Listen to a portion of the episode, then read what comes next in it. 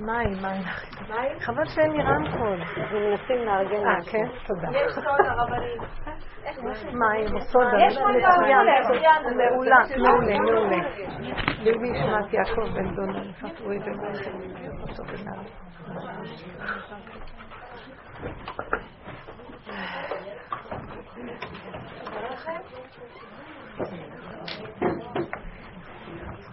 ערב טוב, בנות יקרות. סליחה על האיחור.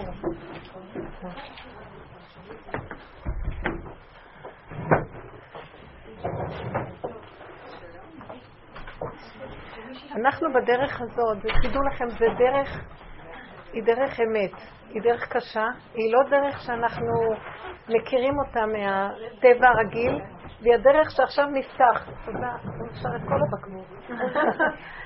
אור חדש על ציון תאיר, זה הדרך הזאת, זה האור הגנוז, בעצם זה חוכמת האור הגנוז.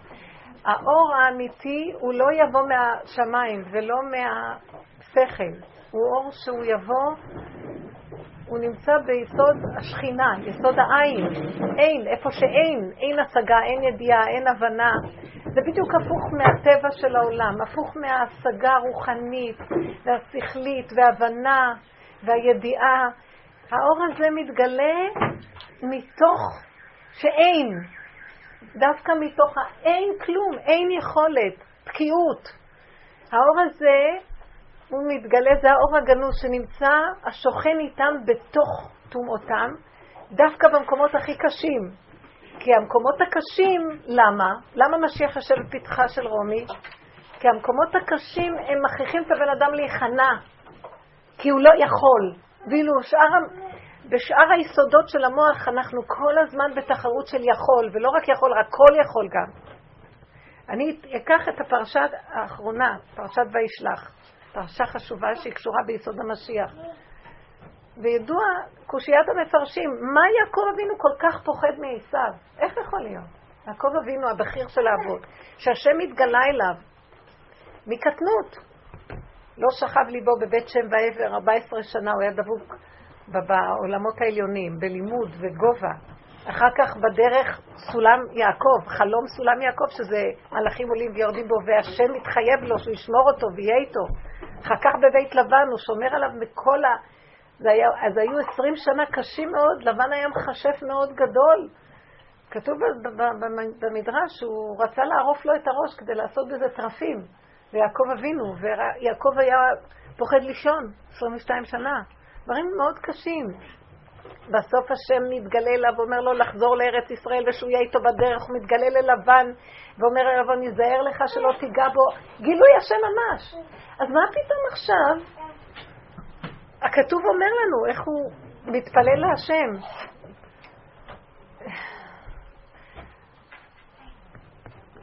וישלח יעקב מלאכים אל אחיו עשו ארצה שיח שדה דום ויצב אותם לאמור כה תאמרו לאדוני לעשו עם לבן גרתי ואחרד אתה הוא כאילו מת, הוא מתנצל, הוא מתחנף לעשו. ואתה אחר כך הוא צועק להשם ואומר כי ירא אנוכי אותו פן יבוא ויכני אם על בנים ואתה אמרת היטב היטיב עמך ואומר הצילני נא מיד אחי מיד יעקב כי ירא אנוכי אותו איזה פחד הוא מגלה. ואז המפרשים שואלים, מה, מה הוא מפחד? מה זה הפחד הזה? זו שאלה. ויש עוד יותר גרוע, במדרש כתוב, פסוק ממשלי, מושך באוזני כלב, מתעבר בריב לא לו. והם אומרים את זה על יעקב אבינו. יעקב אבינו מושך באוזני הכלב, והוא בעצם מזמין על עצמו ריב שלא שייך לו. מה פתאום הוא מפחד מעשיו? דנים אותו למה שהוא מפחד מעשיו.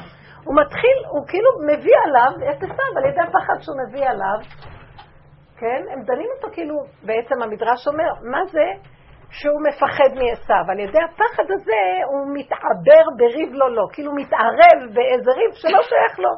כי ברגע שהוא מפחד מעשיו, אז עכשיו מתחיל להיות לו צרות. מלכתחילה, מה הוא צריך בכלל לחשוב על עשיו? הוא הולך מבית לבן, מה זה קשור לעשיו עכשיו? אתם קולטים מה אני מדברת? אבל יש תשובות על כל זה. ברוך אתה אדוני אלוהינו מלך העולם שהכל נהיה בדבר. אמן. בעצם יש כאן סוד עמוק, והשם פשוט, אני, אני אומרת לכם שזה מאת השם הדבר הזה, תגידו לי אם זה לא ככה.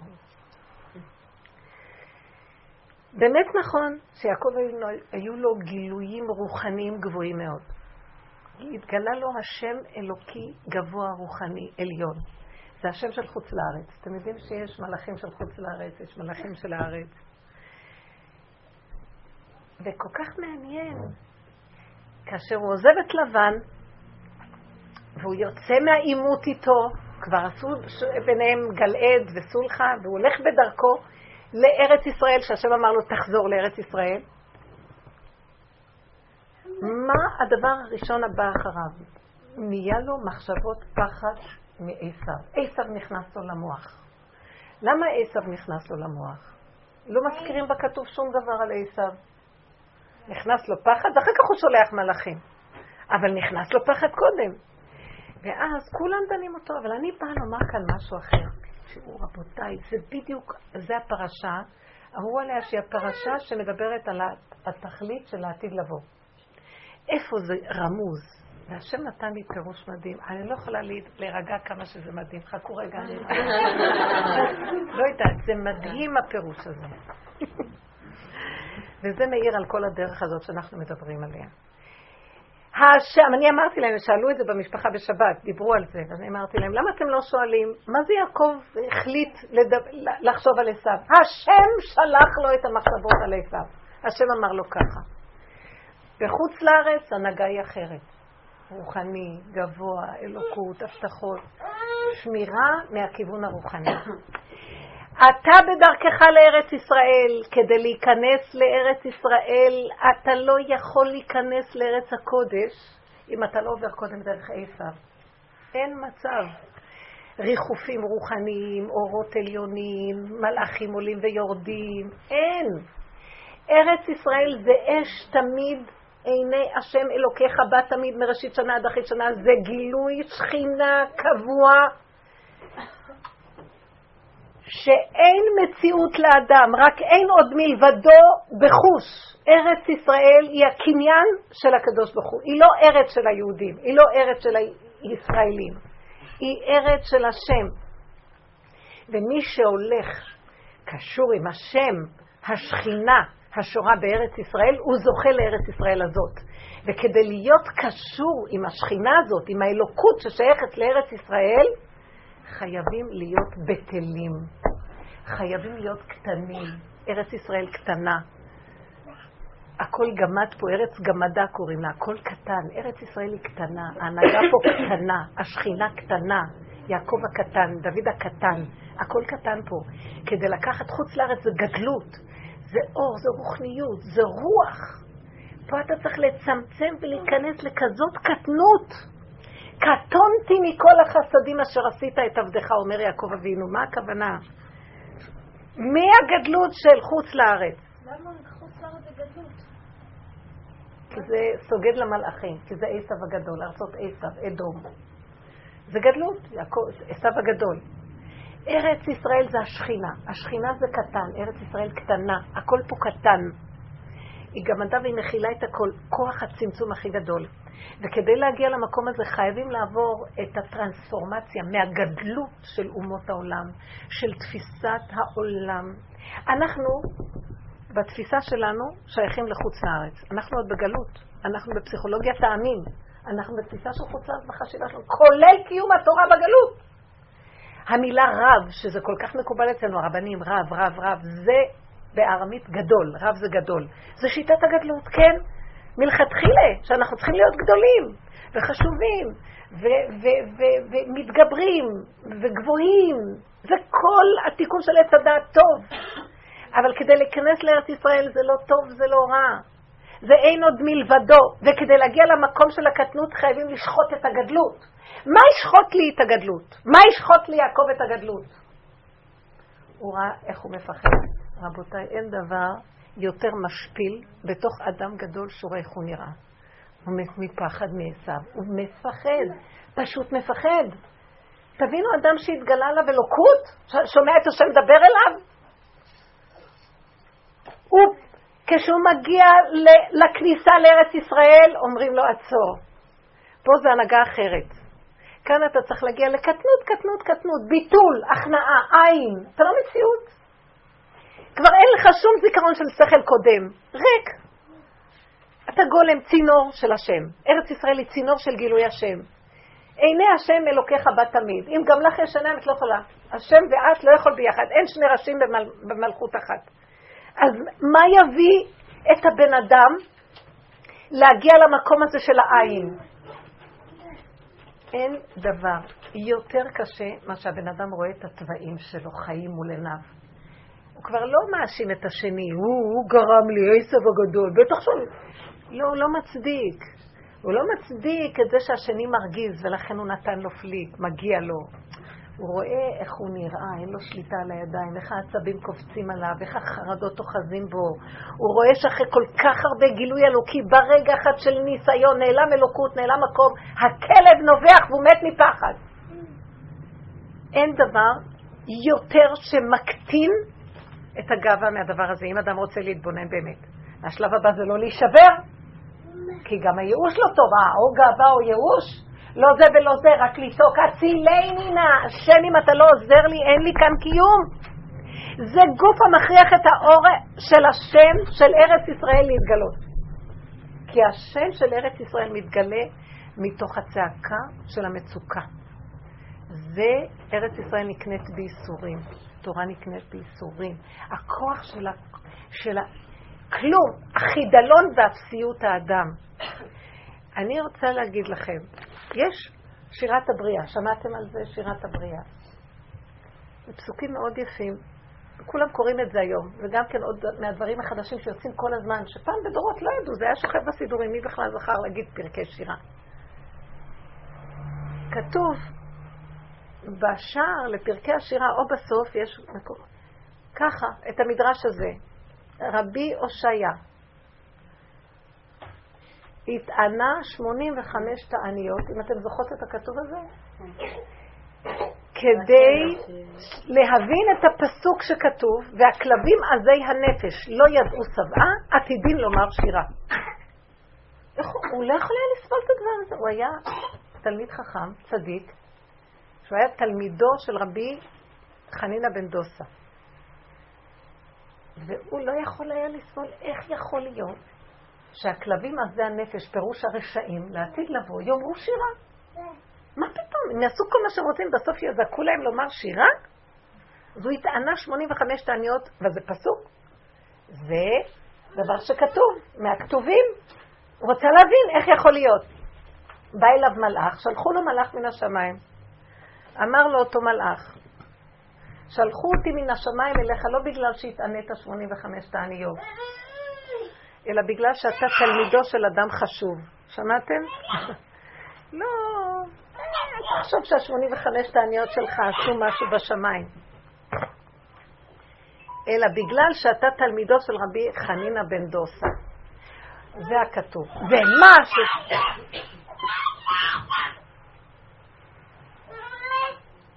יש לך מוצאת? שימצוץ. ומה ששאלת, שמעתם מה אומר לו? שלחו אותי משמיים בגלל שאתה תלמידו של אדם גדול. ומה ששאלת עכשיו לגופו של עניין, חזור לאחוריך. לא, הוא אומר לו ככה, שלחו אותי אליך משמיים בגלל שאתה תלמידו של אדם גדול, ושתדע, לא רק שעתידים לומר שירה, הכלבים, עזי הנפש, גם מהצואה שלהם יכתבו ספרי תורה וקלפים למזוזות ותפילין. ומה ששאלת, חזור לאחוריך. ואל תוסיף עוד בדבר הזה. כי שומר פיו ולשונו, שומר מצרות נפשו. עכשיו השאלה, הוא לא ענה לו. אמר לו, ומה ששאלת חזור לאחוריך, ואל תוסיף עוד לדבר בדבר הזה. הפסוק אומר, על מה הוא התענה? הוא רצה להבין את הפשט הזה. מה זה מהכלבים הזה הנפש עתידים לומר? מה זה שהרשעים עתידים לומר שירה לכבוד השם? מה פתאום שהם יעשו כל מה שהם רוצים, בסוף עוד ייתנו להם במה להגיד שירה להשם. יענו יחזרו בתשובה. הוא לא הסכים לזה. אז הוא אומר לו, לא רק זה, עוד מוסיף להרגיז אותו. עוד יעשו עוד כהנה וכהנה מה, מהפסולת של העבירות שלהם, עוד יעשו מזה דברים גדולים, לכבוד השם. ומה ששאלת חזור לאחוריך. זה הגויים או הרשעים? אה, כאילו... והכלבים עזי הנפש, לא ידעו שבעה. עתידים לומר שירה. יכול להיות שמדובר על גויים. את רואה יהודים וגויים, ואני רואה הכל מבולבל, בתוך יהודי יכול להיות גם גוי. כי הכלבים עזי הנפש, עתידים לומר שירה. לדעתי הוא דיבר על רשעי ישראל. מה שנקרא רשעי ישראל, אין רשעים חס שלום. אבל גם אה, גויים היום... אה, טוב, בואי נמשיך להגיד הלאה. והוא אומר לו, ומה ששאלת, חזור לאחוריך. אז הוא לא נותן לו תשובה. ומזהיר אותו שלא תוסיף לשאול, כי שומר פיו ולשונו, שומר מצרות נפשו. אז מה הייתה התשובה לדעתכם? גם לי, אני, השם נתן לי פירוש לזה, אני מבטיחה לכם, זה מקורי שלי. אז אני אסביר לך בדיוק, אני מסבירה את זה, אמרתי את זה לא פעם בחידוש בשיעורים. וזה מה שהזכיר לי את העניין של המדרש, מושך באוזני כלב, מתעבר לו, בריב לו לא, כי הזכיר לי את הכלבים, אז זה הנפש. ואז אני רואה דבר כזה. בעצם רבי יושעיה אמר, איך יכול להיות שהרשעים יעשו כך וכך וכך? בא המלאך ואומר לו, שתוק, חזור לאחוריך. אם, ת, אם תעצור את כל הגדלות שלך, שאתה הולך קדימה, רץ במדרגות, ותעשה רוורס עם פנס לתוך עצמך, אתה תראה שאתה, בתוכך, יש את הכלבים. מה אתה חושב שהם עומדים בחוץ? בתוכך יש את כל מה שאתה רק רוצה. כל הלכלוך נמצא בתוכנו. אמר לו, שבתוך, חזור לאחוריך, הכלבים הזה הנפש נמצאים אצלך. ומה ששאלת, שלא תעיז לשאול, שומר פיו ולשונו, אתה בא לקטרג עליהם, בעצם יגידו, ואתה מה? כדאי לך לשמור את לשונך שלא תחטוף מכות. כי יבוא עכשיו לראות אותך, מי אתה? הבנתם מה אמרו לו? וזה בדיוק מה שאני רואה כאן עם, עם יעקב אבינו. יעקב אבינו מגיע לארץ ישראל. בדרך הוא פוגש את עשיו. בכניסה לעשיו יושב בשעיר. שימו לב, מאיפה יעקב אבינו נכנס לארץ ישראל? הוא בא מארם נהריים, מהאזור של הגולן שמה, והוא נכנס לאיפה שכיוון הבקעה, מכיוון הירדן, מעבר היבוק, הירדן והיבוק שם נפגשים, ומשם הוא רוצה להיכנס לארץ ישראל. שם זה הרי אדום, שם זה מושבו של שעיר, אדום, אבי אדום, עשיו. אז הוא חייב לעבור דרכו. אז הוא אומר לו, השם אומר לו, אתה לא יכול להיכנס לארץ ישראל עד שלא, אתה לא עובר דרך הכלבים שבתוכך. רבותיי, הדרך הזאת זה לעבור דרך הכלבים. אתם לא אוהבים שאתם, שאני אומרת לכם ככה. רבותיי, תקשיבו, פה לא תלקקו דבש, אבל תכירו את השכינה, תכירו את האמת. הדרך הזאת היא לא קלה, אבל זו דרך של אמת. זה לא ריחוף רוחני, זה לא מדרגות, זה לא עוד ספרים בספריות ואת רושמת וי, וי, וי והמדרגות, זה לא ההתנשאות.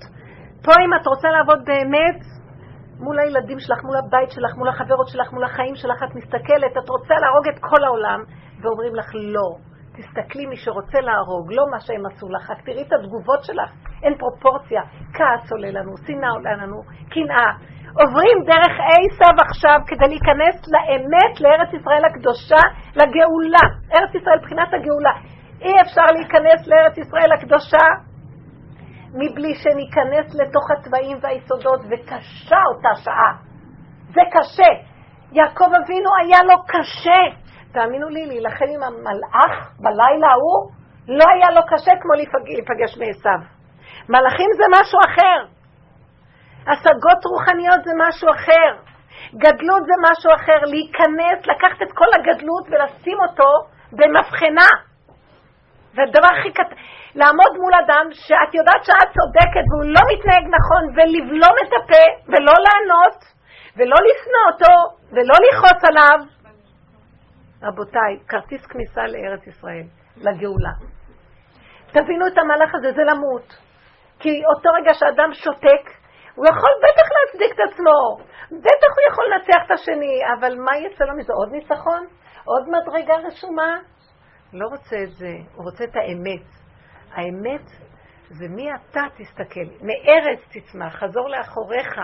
אתה לא תוכל לעבור להכיר את השכינה שהיא מאחורי הכלב הזה. מאחורי התוואים עומדת שכינה, אור אלוקי. רק זה האור של ארץ ישראל. אי אפשר להכיר אותו מבלי לעבור דרך שבעת עמי כנען שישבו כאן לפני שבע, שאנחנו באנו לכאן. היו שבעת עמי כנען. שבעת עמי כנען מסמלים את שבע המידות הכי גרועות שקיימות בעולם.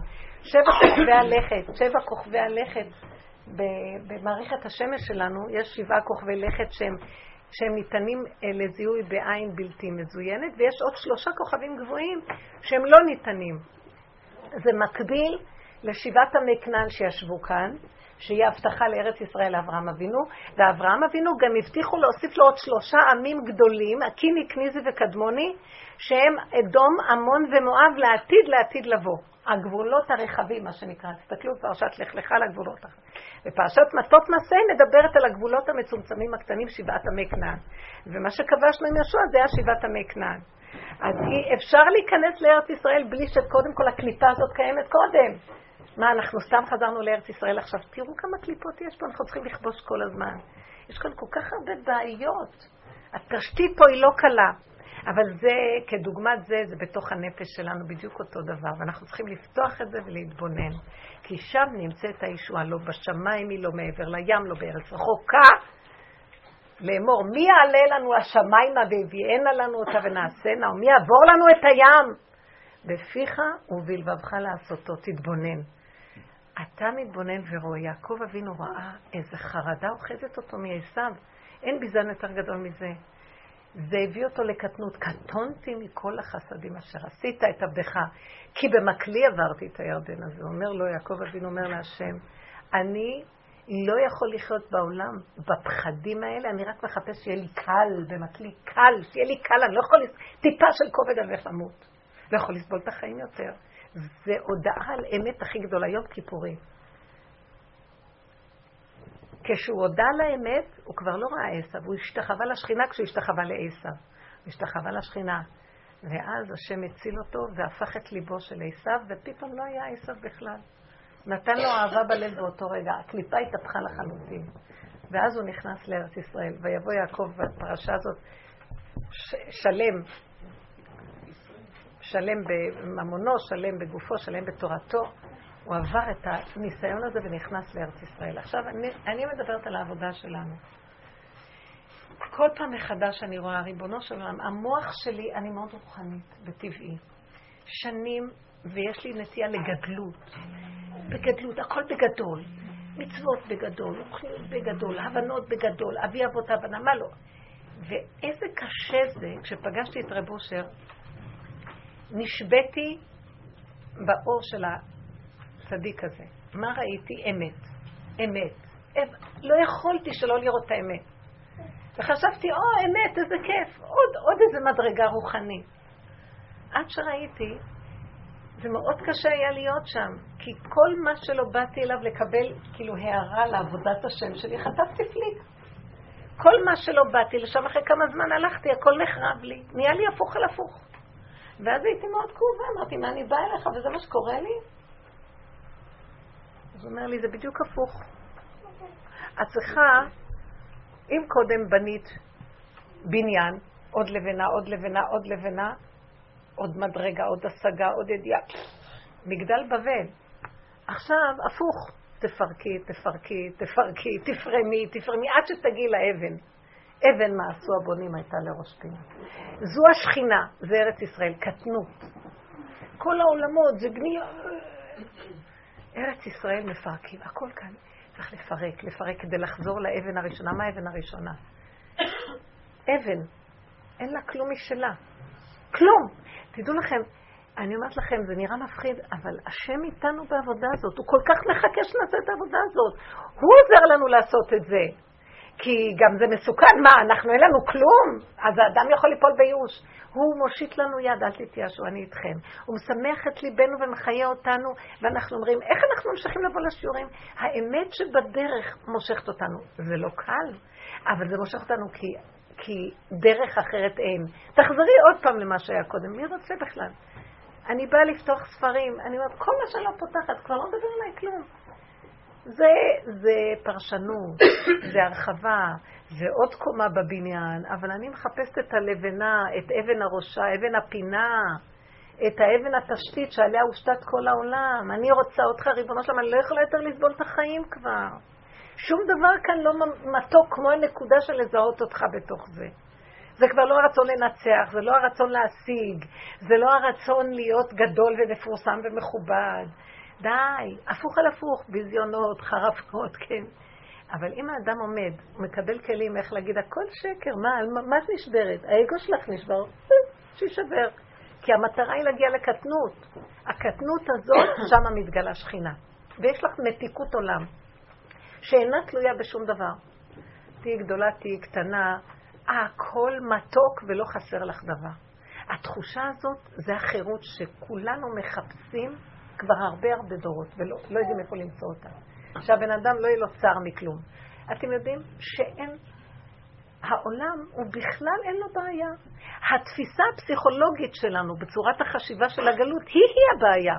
דבר הכי קטן עושה לנו גיהנום. מישהו אמר לנו מילה, אנחנו נשברים.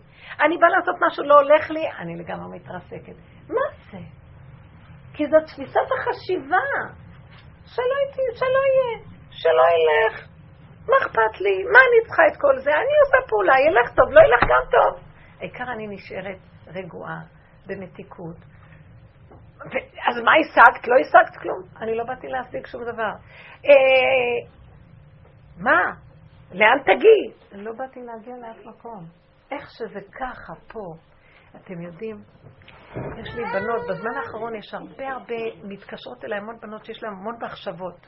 כאילו יש איזה מנואלה שעובדת חזק והמוח מסתגל לבני אדם. והרגשתי איך שזה עובר אליי. היה לי איזה שבוע שחשבתי שאני מתפוצצת מחשבות בלי סוף. אני לא יכולה לישון בלילה מרוב מחשבות. אני באמצע הלילה מתעוררת שהמוח חושב. זה לא היה נורמלי. כל כך היה לי כאבים שראיתי, אמרתי לבורא עולם, אני לא יכולה להחזיק מעמד. אני לא, כל כך ברור. מאוד עבדתי על זה כל השנים, לסגור את המוח עם התרגיל שלנו, לא לשים לב, להיות פשוט. ואני לא משתלטת על המוח. ממש בכיתי להשם. לילה אחד קמתי, בכיתי, אמרתי, אני לא יכולה.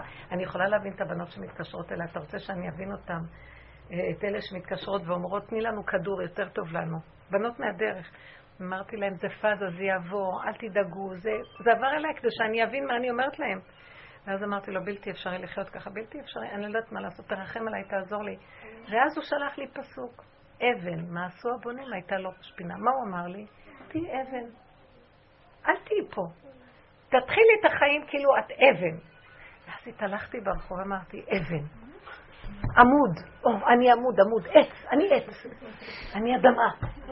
זה הציל אותי, אין לכם מושג, נמחק לי המוח, כאילו באיזשהו מקום שהתמדתי חזק, נהיה לי שלוות עולם, רגיעות, מתיקות, גולם, לא יודע, לא יודע כלום, אין מוח.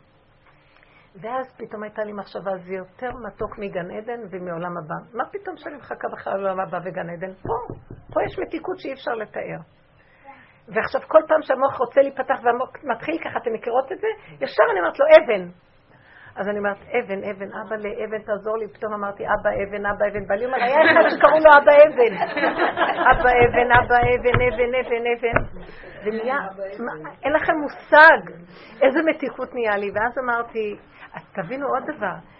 אה, מישהי באותו שבוע, עם כל הסיפור הזה, נתנה לי איזה קטע מעיתון, עיתון הארץ, אני לא קוראת את העיתון, אבל היא חתכה איזה כתבה שהייתה על uh, מישהו שכתב על יהודייה uh, באמסטרדם בתקופת השואה, שסגרו, הגרמנים את, uh, נכנסו לאמסטרדם וסגרו את הרחובות היהודים וזה נהיה גטו, ואחר כך משם לקחו אותה לאושוויץ, ובאושוויץ שמו אותה בתאי הגזים. אז הוא מתאר את היומן שלה, מצאו את היומן שלה. הוא היה מ... מ... לוח... המשפחה שלו הייתה מאלה שלחמו נגד הגרמנים, לוחמי הגטאות או הפרטיזנים, והוא מביא את הקטעים, היה שם אולי איזה שלוש, ארבע קטעים, הוא כתב עליה, אבל הוא ציטט איזה ארבעה קטעים, והוא, והוא אה, מפרש אותה. אז הרושם שלו ממנה שהיא הייתה בייאוש. וכשאני קוראת את הקטעים, אני רואה שהוא בכלל לא מבין איפה היא הייתה. היא הייתה בדרך. מה היא מספרת שם? היא כותבת, מסביבי אני רואה אכזריות גדולה. כשאני פותחת את המחשבה, ככה היא כותבת, אני רואה אכזריות נוראה. הגרמנים סדיסטים. לא, היא לא אומרת הגרמנים, היא אומרת, אני רואה אכזריות נוראה, סדיסטיות. היהודים שרויים בפחד נוראי, כאן חוטפים איזה ילד, כאן שמו איזה אבא בבית סוהר, כאן הוציאו להורג איזה אישה עם הילדים. היא אומרת, ואני, כשאם אני פותחת את המחשבה ואני מתחילה להרהר, אני מצבי מאוד רע. אבל אני בוחרת לסגור את המחשבה ולהיות במקום, ואז אני מרגישה, כך היא אומרת, שאני חבוקה בזרועותיהם הרחומות של החיים. וטוב לי ושקט לי. אין לי כעס על אף אחד, אין לי שנאה על אף אחד, היא אפילו לא פעם אחת מזכירה את המילה גרמנים. אין לי כעס, אני רואה את ההנהגה האלוקית. אני רואה שזו הנהגה מהשם. אין לי כעס, אבל אני לא יכולה לסבול את הכאב ואת הפחד. אז אני סוגרת את המוח, ואני חיה עטופה ברחמנות האינסופית של החיים. איזה חיים? זה היה חיים שם?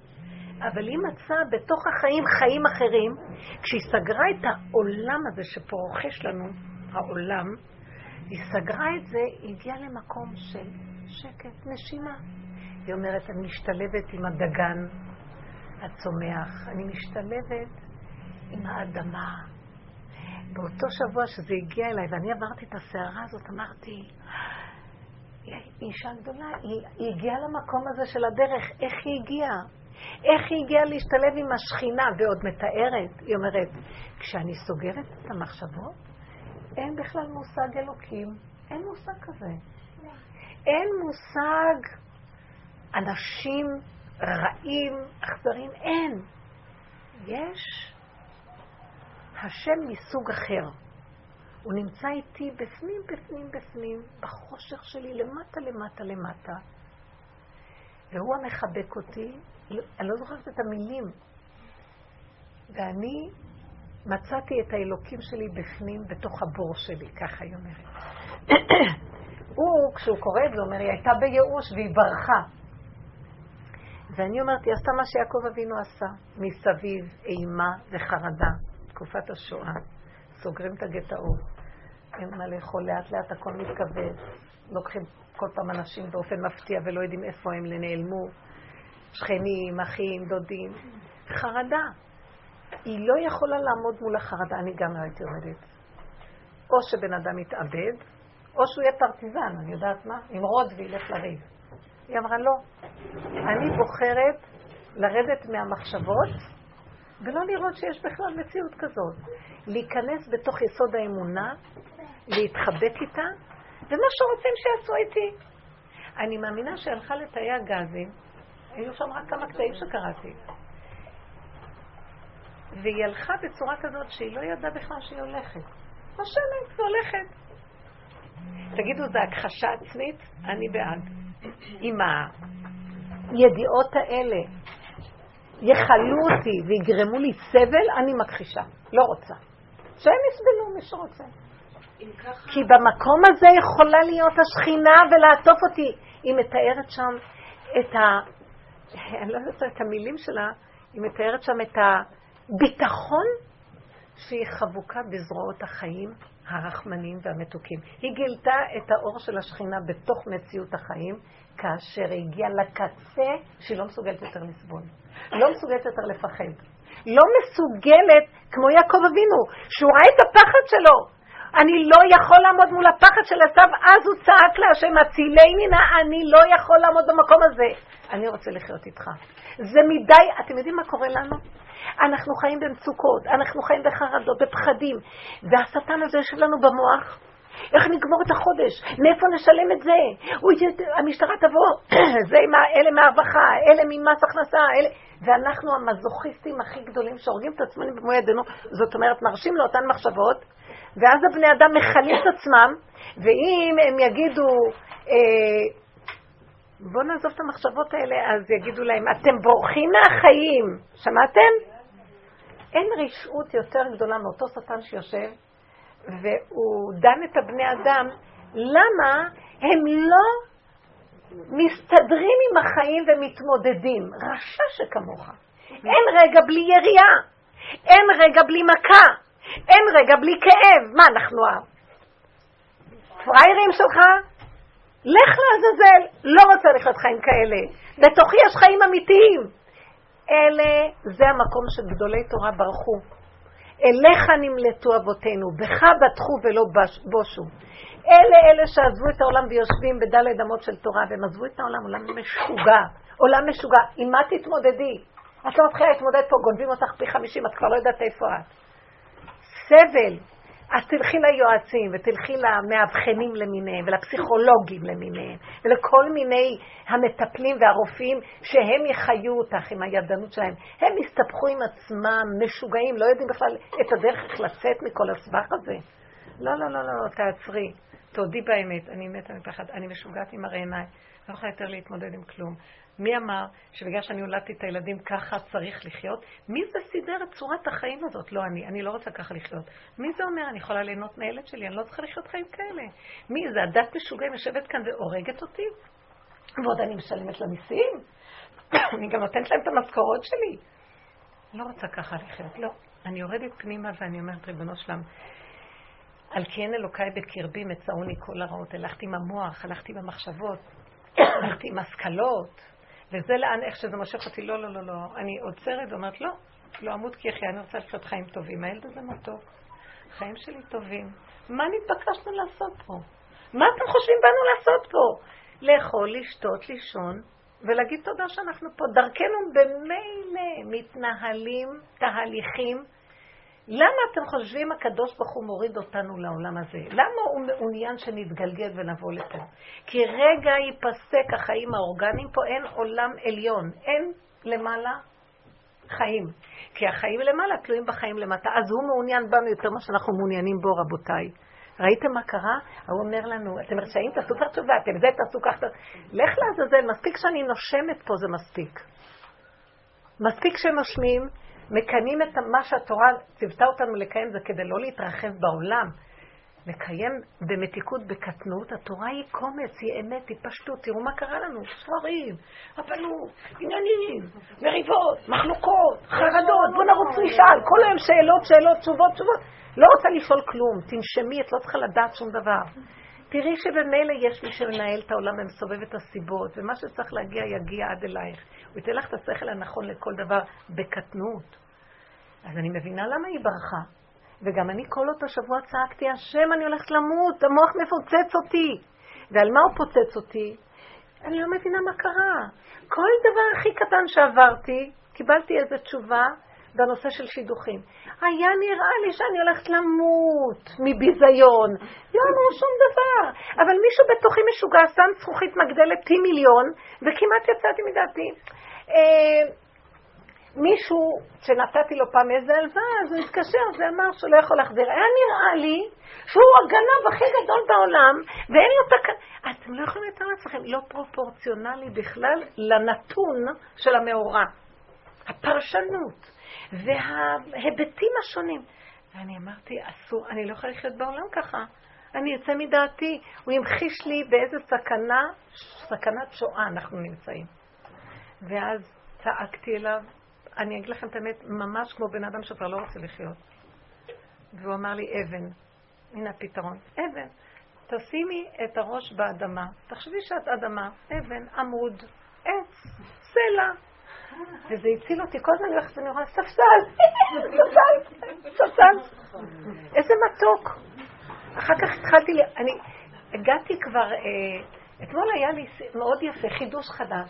פתאום ראיתי שכל העולם הוא מאוד ריק, רק נשארו הצורות של הבני אדם, בלי תוכן. אף. רק הצורה החיצונית. כי את רואה את הבן אדם, כבר יש לך מה להגיד עליו. אז את לא רואה כלום, את רואה ציור ואף חורים, את לא יודעת מי זה, מה זה, נחמד. אותו דבר, אני קוראת את התפילה. אני לא, אני לא יכולתי להתפלל, כי הוא, המחשבות מאוד מבלבלות, לא יכול להחזיק סידור. אז מה את רואה? פתאום הביא אותי לראות, תראי אותיות. אבא גדה. מה הפירוש? לא יודעת. אין, אין תוכן, אין פירוש, אין משמעות.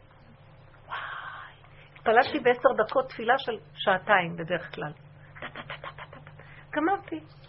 הרגשתי נקי, נקי, רקנות, נקייה, הכל, עושה מה שצריך כי צוויתי, ונקי. בלי להבין, בלי לדעת, בלי להתערב, בלי כוונות, בלי עליונות, בלי זה, בלי מאבק, בלי כלום. לי כוח. ליוותה אותי מתיקות מדהימה, לא רק מתיקות. הרגשתי התחברות לכולם בפשטות. למה? כי התרוקן לי הפרשנות של המוח על כל דבר שהוא מסכסך כל היום. ואז ראיתי, רואה בן אדם, אני רואה את הצורה שלו. מיד ראיתי, אני צורה והוא צורה, יכולתי להתחבר אליו, נהיינו חברים. ואז צץ לי הפסוק, צו לצו, קו, לא, קו לקו, צו לצו, זהר פה, זהר שם, מה שהנביא אומר. לא הבנתי את הפסוק הזה. אז אמרתי לו, כן, קו לקו. נהיה אחדות, אני לא רוצה לריב עם אף אחד. כי ככה את רואה, מה זה התנגד הזה? היא חושבת שהיא נראית כזאת, כולם, כל הזמן את מפרשת אנשים, כל היום את יש לך מה להגיד על זה, בלי שתרצי. פתאום הכל היה פשוט ואחדות פשוטה, זעיר פה, זעיר שם, הכל קטן. אמרתי, אבא, התחלתי לחיות. כל הפחדים והכאבים נעלמו לי. מה יהיה עם השידוך או לא יהיה, כן יהיה, שטויות, דברים של שטויות שאי אפשר בכלל, אין להם פרופורציה. אני מתביישת לדבר, אין פרופורציה. ואמרתי, באיזה גיהנום אנחנו חיים? והבנתי את אותה אחת, קראו לה אתי הילסום, עליה שלום, השם ינקום דמם. לקחו אותה לאושוויץ. אני יודעת, עם תפיסה שכמו שהיא סיגלה לעצמה, הייתה אישה מאוד גדולה. תפיסה שהיא סיגלה לעצמה, אני יודעת שהיא גילתה את השכינה בתוכה ונגמר הסבל. מה שאתה עושה תעשה לי. זה לא חשוב אם אני אכנס לתא ואחרי רגע אני אצא. היא ממשיכה לחיות לנצח, אז בלי הגוף הזה, אז מה קרה? שרבי אלחנן וסרמן, השם ינקום דמו, אחד מאלה שנכנסו לתיאגר, זה התלמיד של החפץ חיים, תלמיד, התלמיד הכי גדול של החפץ חיים. רבי אלחנן וסרמן מברנוביץ', והוא אמר לתלמידים איתו, שהיו איתו כמה, שהלכו יחד איתו לתאי הגזים, אמר להם, תקשיבו, אנחנו נבחרנו להיות קורבן להשם. זו זכות מאוד גדולה. וראו את המוח, ותזהרו שלא תעלה בלבכם שום מחשבה. כי אחר כך זה יכול לפסול את הקורבן. כי אסור לפסול את הקורבן כשמקריבים אותו, המקריב, אסור שיהיה לו מחשבה זרה, מחשבת פיגול. אז הקורבן לא מתרצה. זה אחד מההלכות של הקרבת קורבנות. תזהרו שלא יהיה לכם שום מחשבות. סגרו את המוח ולכו. אנחנו לא נדע כלום. אתם יודעים, זה דבר שקשה להגיד אותו. אנחנו חיים פה ומתים, חיים ומתים, חיים ומתים. נמאס לי. תגורו את המוח, תראו חיים אחרים. מחשבה זה גם אה, רצון בעצם. כל רצון, לנטרל כל רצון, רצון לפרנסה, רצון לזוגיות, רצון... תראי, רצון זה דבר טוב. אם הוא מתממש והולך בקלות, ואם הוא נהיה קשה ותחילה לסבול ממנו, בטל רצונך מפני רצונו, שהוא לא רוצה שהרצון הזה ילך. כי אם את תלכי בכוחנות, אני, אתם מבינות מה אני מדברת, או שאני מדברת רק לעצמי? גם זה שווה לי. באמת? אני רואה, אני רוצה משהו ולא הולך, אז זה גם כן אחד מהדברים. רציתי את הדבר הזה ואמרו לי לא. חשבתי שאני מת. אבל לרצות אותו זה בסדר. לרצות את זה... זה מחשבה. זה מחשבה, ואני רוצה, ושהשם ייתן מה שצריך. אני רוצה ואני רצה לממש את מה שאני רוצה, אני נתקלת בקשיים וזה נהיה גיהנום. לא. יעקב אבינו רצה להגיע לארץ ישראל. שלחו לו פתאום את הכלב הנובח במוח. עשב, עשב, עשב.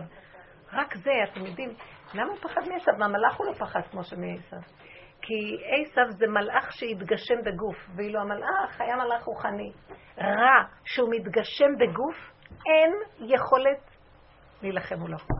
רע, היטלר היה רע בהגשמה מלאה. יותר קל להילחם עם הרוחני של הדבר, מה שעם ההגשמה של הדבר, זה הדבר הכי קשה בעולם. לכן צריך להיזהר מאוד מאוד מאוד מדברים רעים חיצוניים ולעקוף, לעקוף, לעקוף, לא ללכת ראש בראש. את רואה, ואין תגידי כל הזמן מישהו רע. פעמים יוצא מאיזה בן אדם רע, מילד יוצא איזה משהו רע, מבעל יכול לצאת, תזהרי, תעקפי, אל תתמודדי עם זה. את מגשימה את זה. את עונה לו, הוא עונה לך, זה נהיה מגושם עוד יותר ואת לא יכולה להיפטר מהדבר הזה. עכשיו זה מזיק כבר, זה כבר מתחיל להזיק. בני אדם יוצאים בלי נשימה מהמריבות האלה.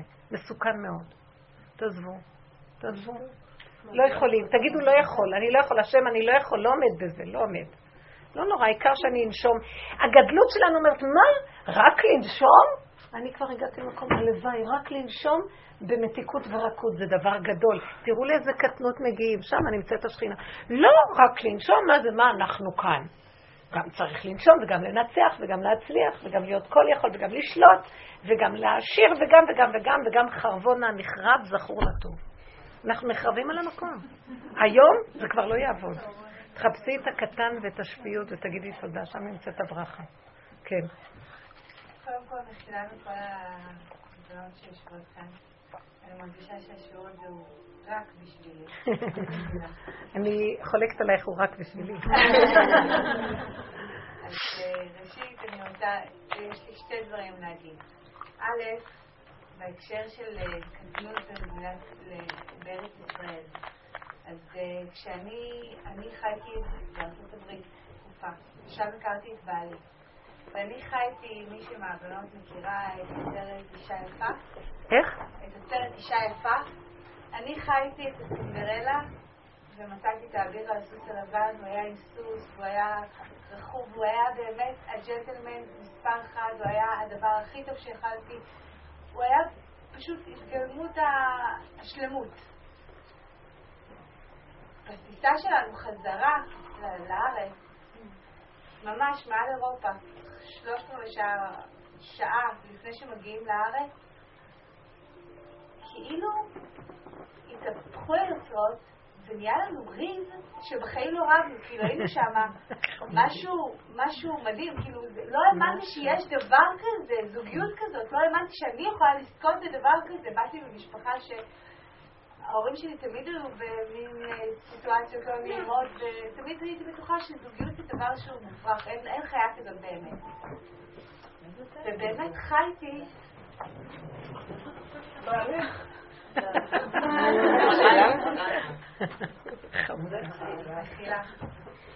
ובאמת, ממש כמה דקות לפני שנחתנו בארץ ישראל, פתאום נהיה לנו איזשהו ויכוח שלא היה לו תקדים לפני כן, לא, לא, לא היה לנו סיבה אפילו, את יודעת, להיות טרוני אחד, שום דבר, היה הכל כן, במתיקות מושלמת, מושלמת. סיפור מדהים. ועכשיו את מספרת את זה, והרבנית כן. מדברת על העניין הזה, ואני זוכרת את הדקות שהייתי אומרת, וואי, איפה זה היה? כן, ואני זוכרת שהסתכלתי ואמרתי, איפה אנחנו נמצאים, מתי אנחנו נוחתים כבר, שזה יעבור ממני. כאילו זה היה לא נורמלי, הייתי בטוחה אולי זה השפעה של הפקידה או משהו. ובאמת מאותו רגע, פשוט היה לי קשיים. כן, זה ידוע, ארץ ישראל נקנית בקשיים, קשה פה הכל. באף מדינה אין את הקשיים שיש פה. הרבנית מדברת על העניין הזה, הרבנית מדברת על העניין הזה, ואני ממש מרגישה בכל רמ"ח ושס"ה גדאי, אני מרגישה איך את עונה לי על השאלה הזאת. זה ברור. תדעו לכם. כל כך הרבה שנים. מחילה, רגע אני רוצה להגיד עוד דבר קטן. היום היה לי איזשהו, איזשהו אירוע בבית, והבת שלי חזרה מהגן כולה הפוכה, והיא בתלונות, וקשה לה, וככה וככה וככה. ואמרתי לה, צאי החוצה תירגעי קצת. והיא דופקת על הדלת והיא צועקת והיא ממש קיללה אותי, אומרת לו, אמא מגעילה, את אמא רעה. ואני נכנסת לתוך עצמי ואני אומרת לו, השם, אני ממש מצטערת. ככה אני. אני זאתי שבועטת, ואני זאתי שצועקת עליך, ואני זאתי שמבזה אותך. ואחרי כמה דקות אני יוצאת אליה, והיא באה אליי ואומרת לי, אמא, אני מצטערת, אני לא מצליחה לגרש את היצר רע, אני מצטערת, אמא, אני יודעת שאני טעיתי, אני מצטערת. והיה לי, ולא היה לנו איזשהו ויכוח וכלום, ולא, ולא היה לי איזשהו כוח, אני פשוט סגרתי את עצמי ואמרתי, השם, אני רואה כמה אני קשה. כמה אני לא, אני לא מעריכה את מה שאתה נותן לי, אני לא מעריכה את מה שאתה עושה בשבילי.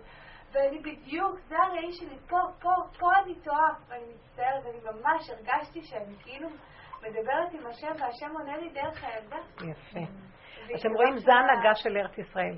כי בארץ ישראל לא נוכל להמשיך איך שאנחנו חיים. אתם לא מבינים שהכל מתהפך עלינו? לא נוכל לתפוס את הגישה האמריקאית פה ולעשות כאן מה שאמריקה עושה. זה לא יתאים, זה נראה כאילו הולך, אבל כלום לא הולך. אתם מבינים שהכל עומד על קרני תרנגולת ראויים? כאילו אנחנו משהו, הכל ריקנות וכל רגע הכל מאיים להיות חורבן פה. ככה זה ההרגשה. ולכן הדרך פה היא משהו אחרת לגמרי. היא עצירה, התמעטות, חזור לאחוריך. ותכיר את המציאות השלילית, דווקא השלילית. כי החיובית עוד פעם תגביל אותך, כי כל השיטה האמריקאית היא חיוביות, היא כל השיטה של אומות העולם. זה גדלות, זה יפייפות, יפת אלוקים ליפת, זה גדלות. וכל העבודה היא להסתכל, אבל עכשיו גם להיזהר שלא ניפול בייאוש. כמו שהיא אמרה, זה, תראו את ההבדל בין ייאוש או בין גאווה לבין הודאה באמת. נכון.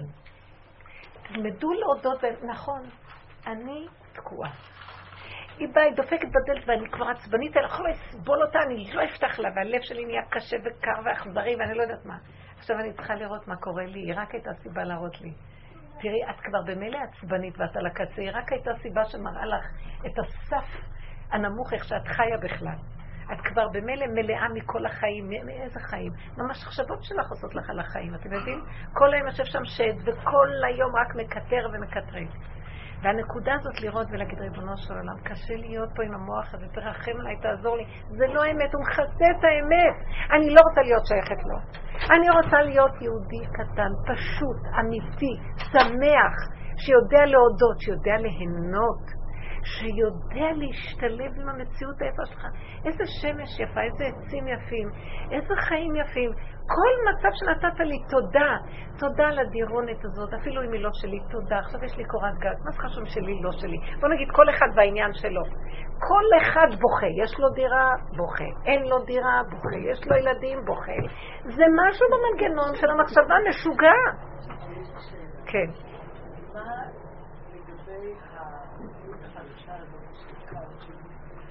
זמן וניצול המשאבים וניצול וניצול וניצול וניצול. כל הזמן להיות במחשבה של איך אני עם הזמן, איך אני... גם כן, זה משהו בעצם מודה חדשה. זה לא מודה חדשה. אולי לחיות בפשטות וזהו. רגע, רגע. אני אגיד לכם, כל מה ש... כן. כל מה שקורה עכשיו בכל השיטות החדשות של ה-New Age וכל הזה, זה בעצם לקוח מהיהדות. כל העולם היה שרוי בחושך. באה היהדות והלכה על החיוביות. עכשיו העולם רוצה להיות חיובי ולקחת את הכיוון החיובי שהיו היהודים. מה היהודים היו עושים? סור מרע ועשה טוב. היום בעולם נורא רוצים לאסור מהרע ולהיות טובים. להיות נאורים, להיות טובים, לעזור אחד לשני, לעשות דברים. ביהדות כל הזמן העניין של הזמן, לנצל את הזמן, להיות זריז, לדבר קרעי, להיות, אה, כן, כל הארבע דברים, רץ קל אה, כנשר, אה, גיבור קרעי, רץ כצבי וכן הלאה. כל. כל זה היהדות עשתה עכשיו, העולם רוצה להגיע סוף סוף למקום איפה שהיהדות הייתה, אז לאן היהדות תלך? זה כאילו פינוי תקנים. לפעמים את התקן, שהיהדות תבוא לפה, לאמת. מה אנחנו עושים? מתפעלים סוף סוף שהגויים נהיו חברים שלנו והם גם רוחניים. ולא רק זה, אנחנו גם ניקח מהם כל מיני שיטות. אין לכם ירידה יותר גדולה ליהודים מזה. כי יש באמת מקום בעולם הטבע, שזה עולם של זמן ומקום, שצריך לנצל את הזמן. הזמן הוא פונקציה דמיונית, אבל הוא חלק מהתיקון של עץ הדעת. אנחנו עכשיו תחת הדמיון הזה שנקרא זמן. היהדות כל הדורות אמרה זמן, זמן, זמן, זמן, זמן. כל רגע יהיה מנוצל למשהו, נכון? לרוץ, לקום כארי בבוקר ולרוץ לזה ולהיאבק, אלה רצים ואלו רצים, אלה רצים לשטויות, אנחנו נרוץ לעיקר ולנצל. אז הם עכשיו באים לשם, אבל אנחנו, תודה, כל הדורות היינו שם. עכשיו הפוך, אצל היהודים צריך להיות משהו הפוך. אין לי לאט לרוץ, אני רץ אחורה. אני מביאה לכם דרך חדשה, אני רצה אחורה. נמאס לנו לרוץ. כי מה קרה? אנחנו עוד... שמתם לב מה קרה? זה הזוי שהיהודים ילכו בשיטות של הגויים. מילא תגידו היהודים החילונים. יהודים חרדים הולכים בשיטות של גויים. כל מיני קורסים, כל מיני זה. לא מבינה את זה. מה שכתוב בחז"ל, מה שכתוב בספרי המוסר, מה שכתוב בכל גדולי העולם שככה עבדו, פתאום היהודים שם, תרדמת עולם אנחנו, כאילו מתעוררים למה? במקום לבוא למקום הזה ולהגיד, די, אנחנו לא רצים אחרי שום דבר, כבר אין לנו כוח לרוץ. אין זמן ואין מקום, יש נשימה ויש אלוקות, והיא נמצאת כאן כרגע, חיי אמונה. מה אנחנו עושים? כן, מקבלים להם כוח להמשיך לרוץ. ואיך אנחנו נראים? נרוץ, נרוץ, נרוץ, כי נשיג, נשיג, נשיג. שמתם לב איך נראים? אולי אתם לא שמים לב? אפילו אלה שכבר חוזרים בתשובה היום, והם לא חיו באמת חטוף מצוות אה, וכל המהירות של העניין הזה של ללכת מהצד של ההפקרות של העולם. היום כבר אין זמן לזה גם. בואו ישר לדרך הזאת. כי חבל על הזמן, אין כבר זמן. הדרך הזאת כוללת גם את זה וגם את זה. הבנתם? היא הכוח השלישי, השלישי שכולל את הכל. שם יש שכינה והשכינה תזכה לנו. אין זמן. אין זמן לעשות מה שכל, שעשו כל הדורות. האמת שבכל חוזרים בתשובה, יש להם יהדות שסוחבת אצלם, במילא שהם שייכים לזה. עכשיו רוצים אותם בעבודת אמת, הם כאילו הם נושאי כליו של משיח. כי יש להם את המקום הזה לרצות את האמת. בדרך כלל אצל בעלי תשובה יש את האור של האמת. בגלל שהם קיבלו, הם קיבלו מהמשיח את הכוח הזה, כי אחרת אין להם סיבה מדוע שיחזירו אותנו בתשובה, נכון? בגלל שאדם חטא ימות, או יביא קורבן, או יכפר עליו מיתות בדין, או ארבעים מלכות, או מה שהתורה אומרת. או אומרת החוכמה שחטאתו תייסרהו, זאת אומרת כל העבירות שהוא עשה קודם, ייתנו לו את המכות שלו, ואז הוא בעל ייסורים, בעל תשובה נקרא בעל ייסורים. באה הדרך הזאת ואומרת, תיכנע, תיכנס פנימה, זהו. תתחיל להבין, לך בקטן, תודה. כמו יום כיפורים. איך אמר רבי יהודה הנשיא, יש קונה עולמו בשעה אחת.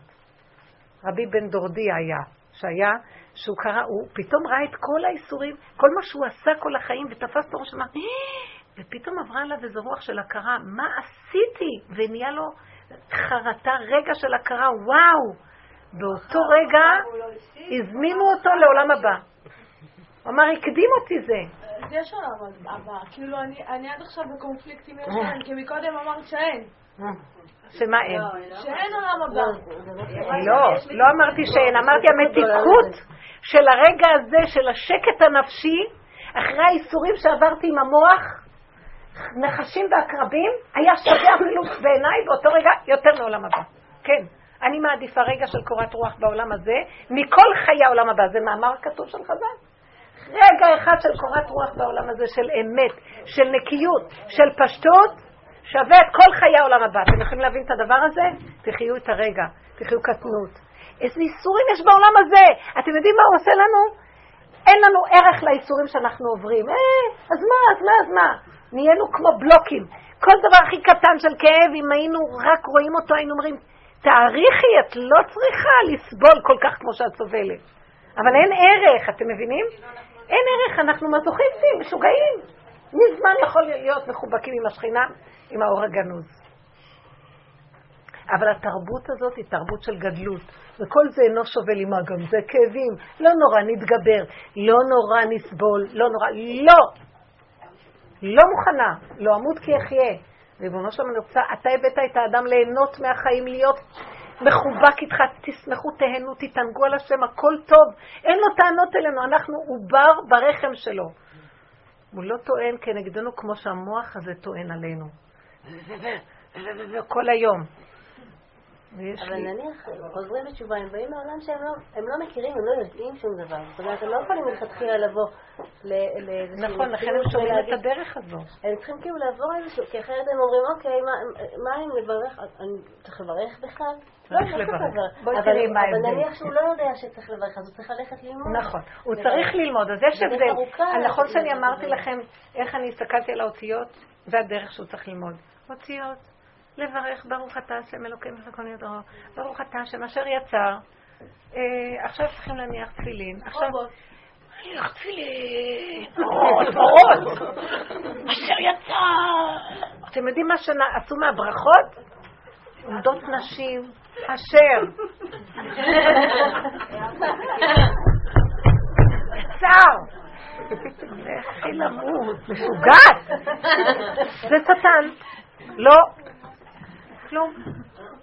נכון, תחזרי לדעת. מה שחז"ל אמרו, נכון. לא מה אמרו, איך עושים את מה שאמרו. מרוב שאנחנו מתבלבלים מהעולם, והתערבבנו עם הגדלות הרוחנית, במקום לרדת לפשטות של האמת, נהיה עכשיו כאלה כולם צדקנים וצדקניות.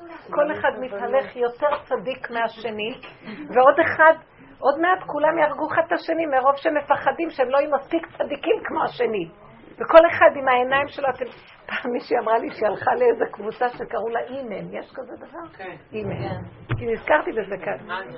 אז היא אומרת, היא ישבה שם בזה, והיא אומרת, היא נבהלה. כולם התהלכו שם עם עיניים גדולות, מודעות, לכולם יש מודעות שם. היא נבהלה ברחה, היא אומרת, כמעט הרגו אותי עם העיניים שלהם. כאילו אין לנו אני, אנחנו מודעים.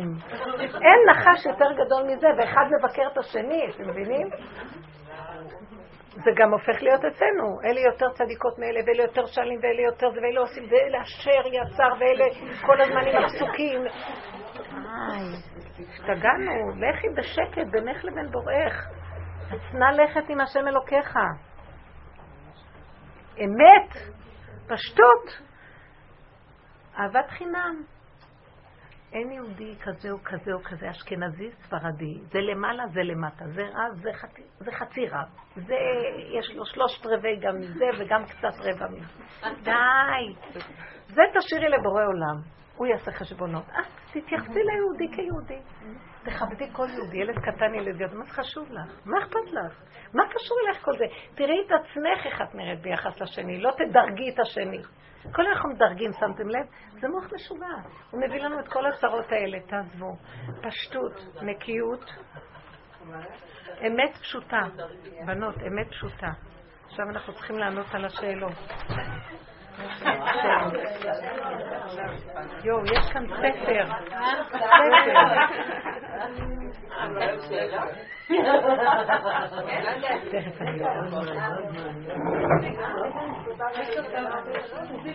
טוב, היא אומרת כאן שהיא מבקשת לקבל עזרה, עצה, בקשר לתופעה שקשה לה איתה.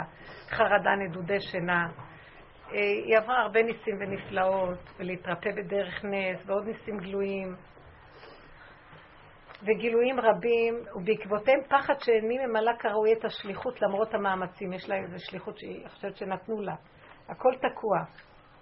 כל מה שעושה נתקע בשלב כלשהו, וגם יודעת שהכל מאיתו יתברך, מחפשת להבין מה עליי לתקן.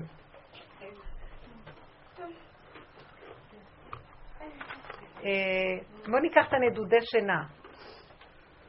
נדודי שינה זה בא ממוח שהוא פעיל מדי. הוא חושב מדי, הוא חזק מדי, ולא מקבל תשובות, הרבנית, אפשר לעבור לשאלה אחרת? כי לא נמצאת פה, בדיוק לא נמצאת פה. אבל זה טוב לכולם. כן, אנחנו נשמע גם אחר כך. תקליטו לה. אבל זה השאלה כבר נשאלה. זהו, בואי. בדיוק, בדיוק. כולנו, כולנו לא נדון. מה כנראה. זה היה כבר, תשובה נאמרה אז אני אגיד לכם, רגע. פעם בא אליי, אולי אמרתי לכם את זה, הייתה לי איזה מישהי ש... יש לי מישהי שהרבה שנים באה לשיעורים, מדהימה, והיא לוקחת, נשאר לה רק כדור אחד, נשאר לה כדור קטן פסיכיאטרי שהיא לוקחת. ירדנו מהרבה דברים, עכשיו נשאר הכדור הזה. אז uh, היא פגשה אותי, דיברנו, והיא אומרת לי, אני מאוד רוצה לרדת גם מהכדור הזה. אז אמרתי לה, למה בעצם את לוקחת אותו? נגד מה הוא? רציתי להנחות אותה במחשבה. אז היא אמרה לי, כי הרופאה אומרת שיש לי מחשבות כפייתיות. אז אמרתי לה, זאת אומרת שהכדור הזה זה חומר, נכון? זה חומרים הכדור הזה. אז למה נותנים לך את הכדור הזה? מה זה פסיכיאטריה? היא מסדרת מחשבות? לא. מה שקורה אצלך, התהליך הוא כזה, ואצל כולנו, ולכן אני רוצה להגיד את זה. שהמוח אין לו שליטה על המחשבה, כפייתי מה שנקרא. ואם היינו מתבוננים לעומק, היינו רואים שיש לנו את זה, רק זה מכוסה. בגלל שאנחנו טרודים ורצים ועושים את זה וכאילו עסוקים, אז אנחנו לא רואים מה קורה בבית.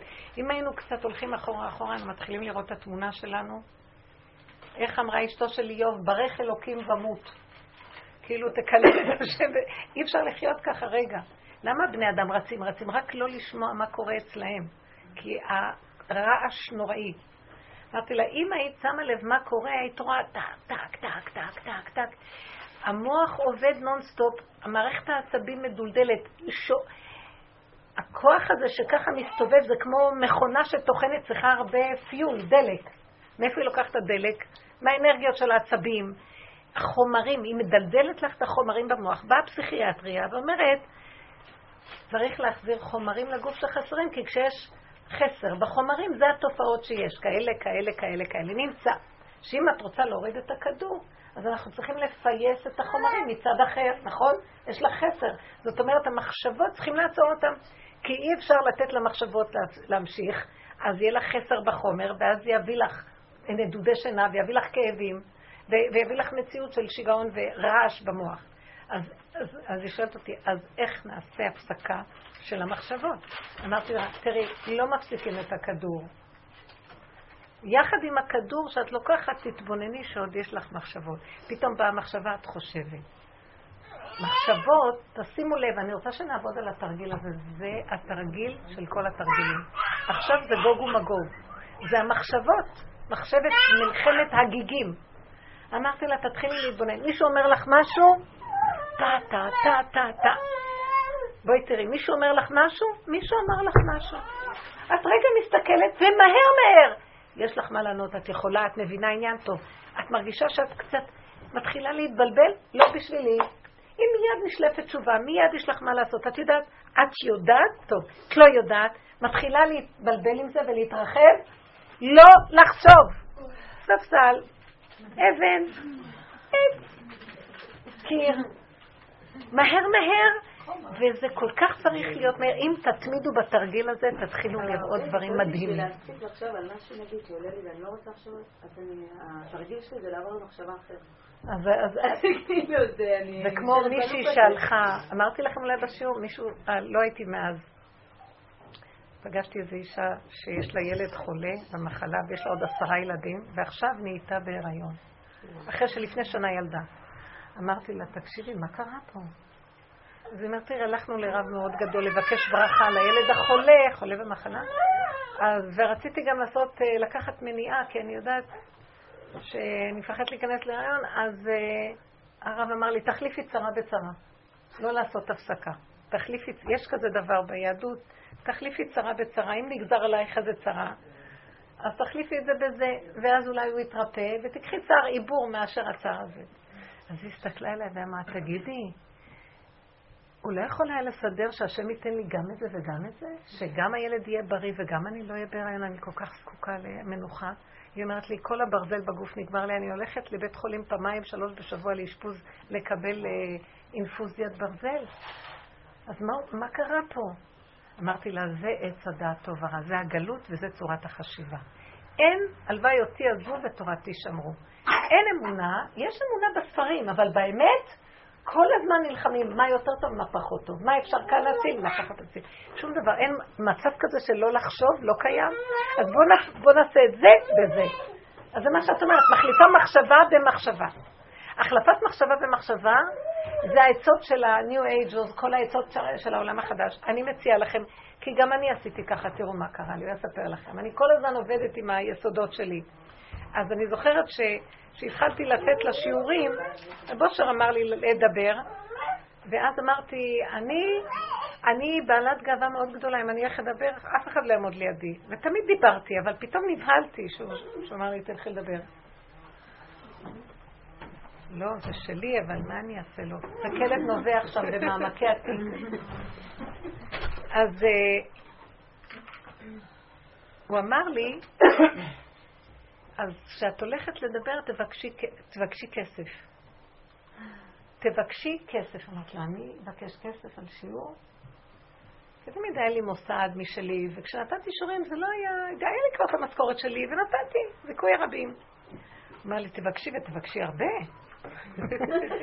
אמרתי לו, הרב, לא נעים לי. אומר לי, דווקא. זאת אומרת, תחליפי את המחשבה של הגאווה במחשבה של... אה, שישנאו אותך. תביאו, אם אתם לא מביאים לי עכשיו זה, אני לא באה. אתם, אתם רוצים?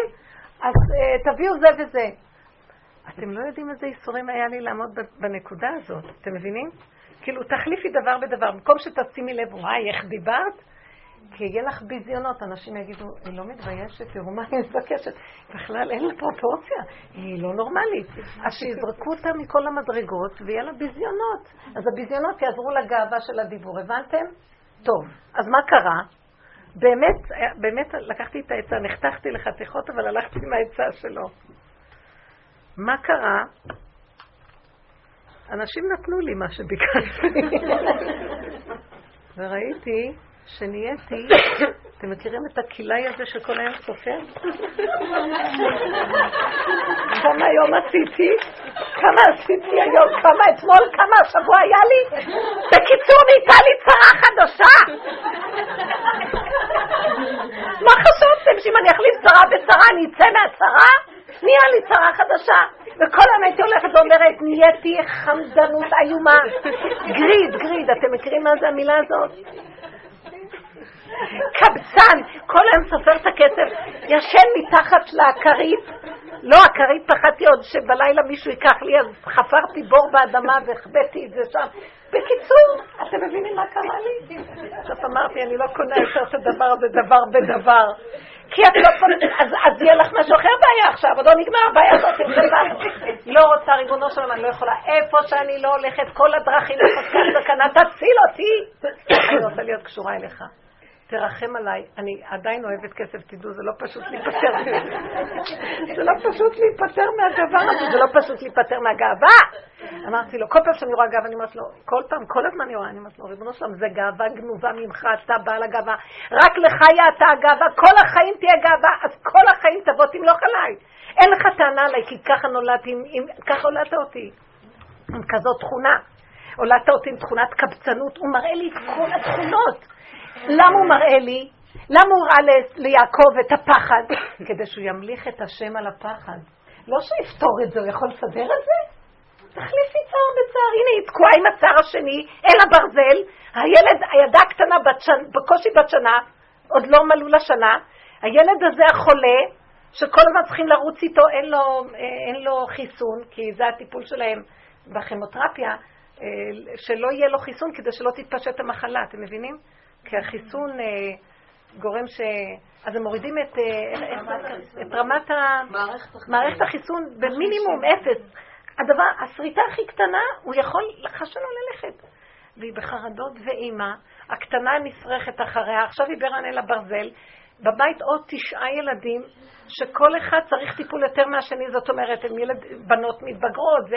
והיא אומרת, והבעל ראה את כל זה, ואין להם גרוש, אז הוא ברח הוא חוזר בשעה שתיים מהכולל, אין לו כוח להתנהל. אין לו כוח, הגברים, הם יודעים לסדר, לפייס את המערכות שלהם. הם מאוד דואגים למציאות שלהם. אנחנו יונות פוטות, נזרקות, כאשר עבדתי, עבדתי. והיא אומרת שהיא עומדת מול העניין הזה לבד, והיא אומרת לי, כל הזמן התנגדתי מה שאת מדברת. סגנון ליטאי כזה, וזה אמרת לי, עכשיו אני רואה, אני לא רוצה יותר לחיות איך שאני חיה. זה לא אמת. כי על בשרה רואה את התקיעות שלה. קוד יש, כל עוד עוד יש מרחבים במוח עם דמיונות ורעיונות. והיא מאוד ממומרת וכאובה. אמרת לה, אל תתמרמרי, בואי לעבוד, על... בואי לעבוד בדרך. עד שלא נוגעים בנו עד הקצה, עד שלא נגעו ביעקב ויראו לו את החרדה שלו, הוא לא יכול להיכנס לארץ ישראל, כי זה מביא שכנות. זה מביא הכנעה מול בורא עולם. אל תכעסי על העולם, אמרתי לה. אין על מי לכעוס, זה צורת הגלות, זה צורת היהדות. אין לנו להגיד לשון הרע ולכעוס, אבל אנחנו צריכים לראות, אני לא רוצה ככה לחיות. אין על מי לכעוס, תכעסי על הבת, תכעסי על... אין על מי לכעוס, יש נקודה אחת. אני לא מוכנה יותר לחיות ככה. אז בואו נחזור למחשבות האקססיביות. המחשבות זה הסכנה הכי גדולה. זה תוכנת עץ הדעת. טק, טק, טק, טק, טק. זה שעון חול משוגע. לא יכולה לעמוד בו. לא יכולה לעמוד בו, ריבונו שלם. אני רוצה להיות ציפור, עץ, אבן, לנשום, לחיות. כשהוא אוהב את האנשים שהוא אוהב, הוא נותן להם לחוש את הסכנת שיגעון. ואם הבן אדם הוא אוהב את החיים, ואנחנו אוהבים את החיים, הוא ייזהר ויגיד לא. את פה. לא, לא מחויב. לא חייב להשתגע. אנחנו מתים ולא בחוכמה. על כל דבר מתים. לא. אז הילד לא יאכל, אז הוא לא יקום, אז לא יסתדר, אז לא יהיה. קודם לא אמות כי יחיה ואספר מעשיך.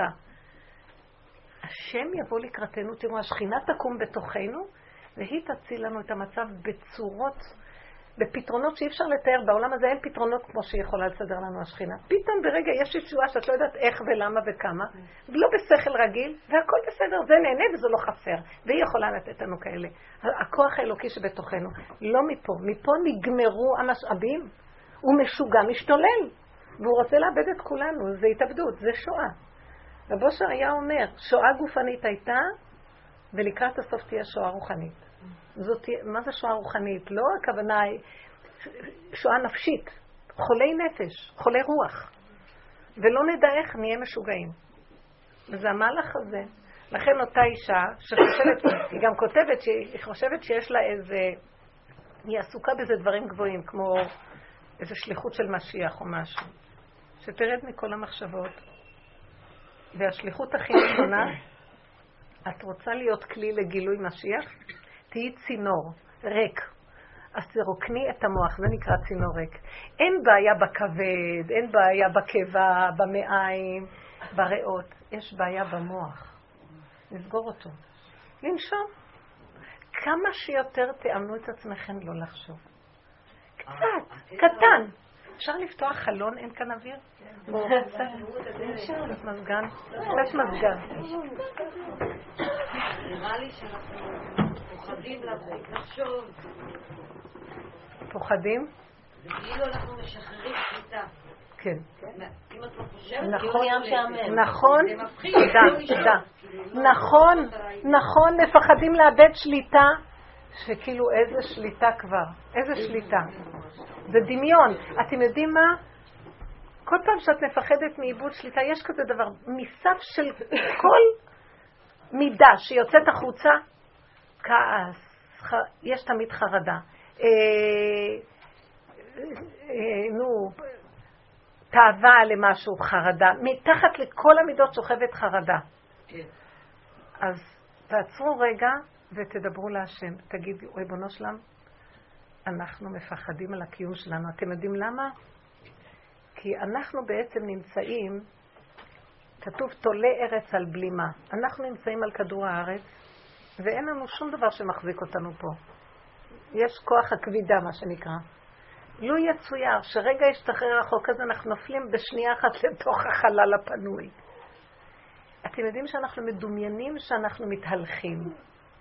אין לנו שום ביטחון שרגע כדור הארץ לא יקבל איזה מכה מאיזה דבר או איזה משהו וכולנו נופלים לחלל. אין לנו ביטחון לרגע ביסוד שלנו. לכן... לא יודעים מה מחזיק את כל החומר הזה ביחד. לא יודעים. החזיק האלוהי הזה ש... לא יודעים. זה דבר... מאות שנים. ממש. לא יודעים. ויש דבר אחד, השם רוצה שנגיע למקום הזה שאנחנו לא יודעים וניכנס לאמונה. לא יודעים ובכל אופן אנחנו נושמים והולכים.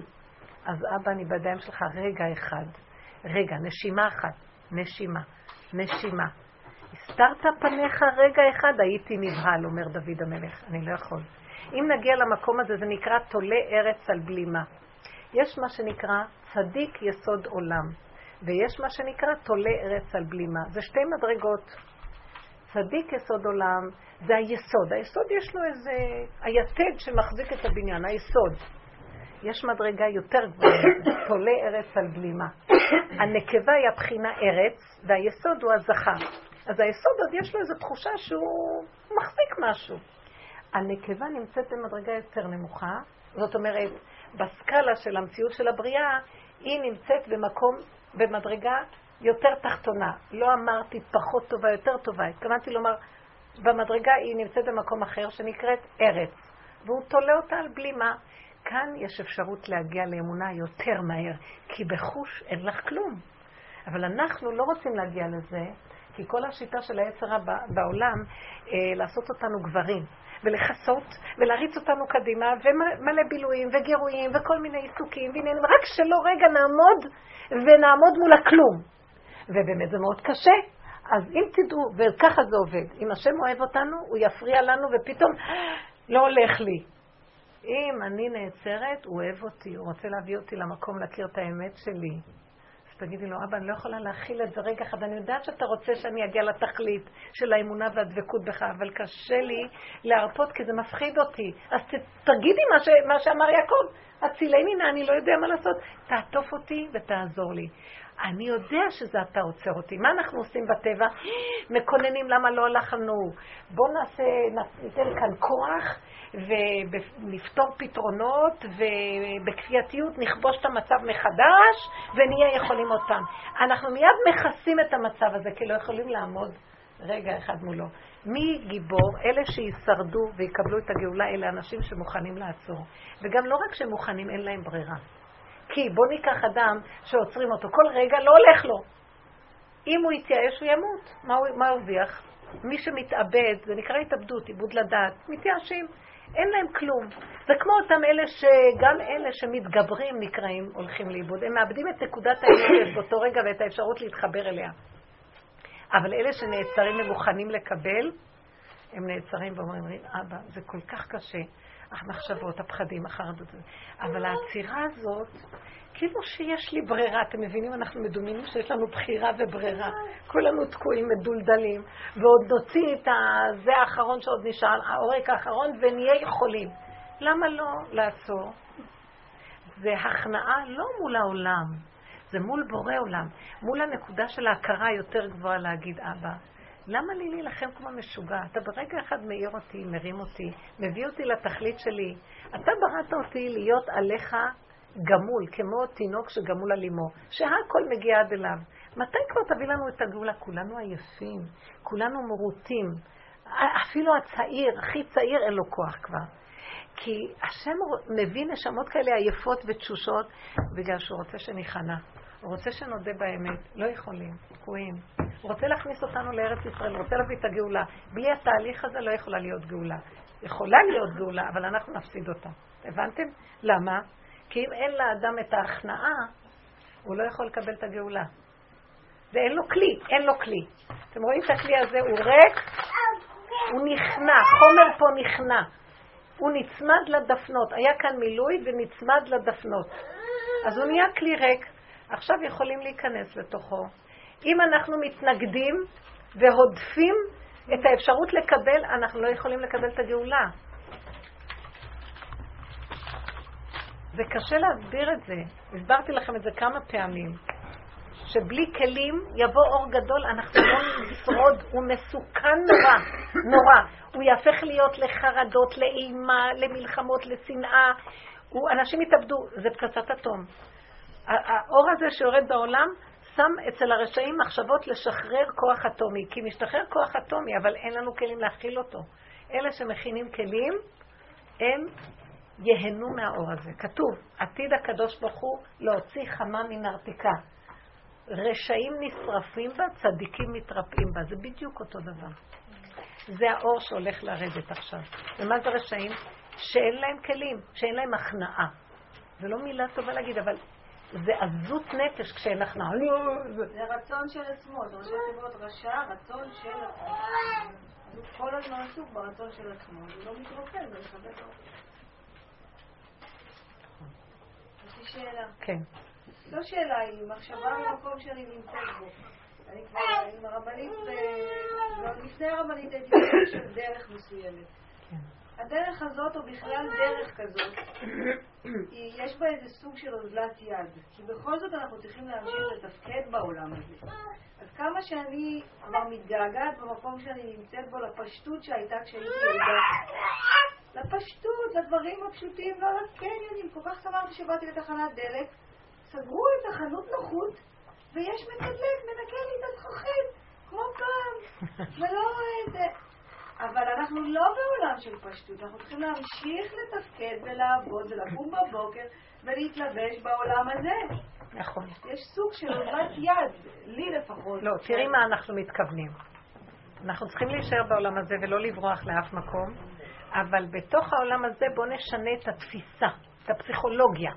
ומעט מעט אגרשנו מפניך. זאת אומרת, כל פעם שאת מוצאת את עצמך בלחץ ורוצה לדחוף ולהיות יכול, והחרדה... אני בצד ההפוך, לא רוצה כלום. לא, זה גם לא טוב. משתפת. אבל זה הייאוש, לא, אני מדברת על קו האמצע, האיזון. אני זאת אומרת- בוחנת את זה ומנסה להילחם בזה. כן, בואי תראי, בוא נגיד כשעצם הרע ככה. ימכור לי ייאוש, אני אגיד לו קניתי אמונה. בדיוק, תעמדי ותגידי, אני לא מתייאשת, אני רק מוסרת את המציאות. אני אני- לא אני אתגבר. אנחנו לא נלך להתגבר עליו. את יודעת מה אנחנו נעשה? נגיד לו, תשמע, דברי איתו. נגיד לו, מה אתה רוצה? אתה רוצה לנצח? אתה צודק, אתה יכול לנצח אותי. אני לא הולכת לריב איתך. לא הולכת לריב, אין לי כוח, אני לא אריב איתך. שב, בוא שב. בסדר, מה אתה רוצה לשתות? אתה רוצה כוס תה, מים? מה אתה רוצה? אתם יודעים מה? רוצים את עצמך, לא. עכשיו, בתוך הנפש שלך, כי הוא חיצוני, הוא לא רואה את מהלך הלב. השם יראה ללבב, ואנחנו רואים, הוא חיצוני. אז תגידי, ריבונו של עולם, תעזור לי. אין לי כוח לריב איתו, כי אם אני אריב אותו, הוא נהיה יותר גדול. מצד שני, יש לי מה לעשות בעולם, ואני לא יכולה לשבת באפס מעשה, יש לי תפקידים. תתגלה בתוך מציאותי, תעזור לי, תוביל אותי. הורני השם דרכך, לך בעמיתך, גל עיניי והביט הנפלא. תראה לי שאתה מחיה אותי ומקים אותי, אני לא יכולה לו, יהרוג אותי. בחוץ תתחנפי לה וכאילו, ובפנים תהיה ערמומית. ככה יעקב גנב את לבן בכל השנים שהוא היה אצלו. אני אחיך ברמאות, הוא אמר. כי אי אפשר ללכת ככה. אבל העיקר שאת מפתחת תודעה חדשה, שאת לא פראיירית שלו, להילחם איתו, לנצח אותו, להראות לו מי הוא. להחליף צרה בצרה, כן? לא, לא אין לי כוח לצרה.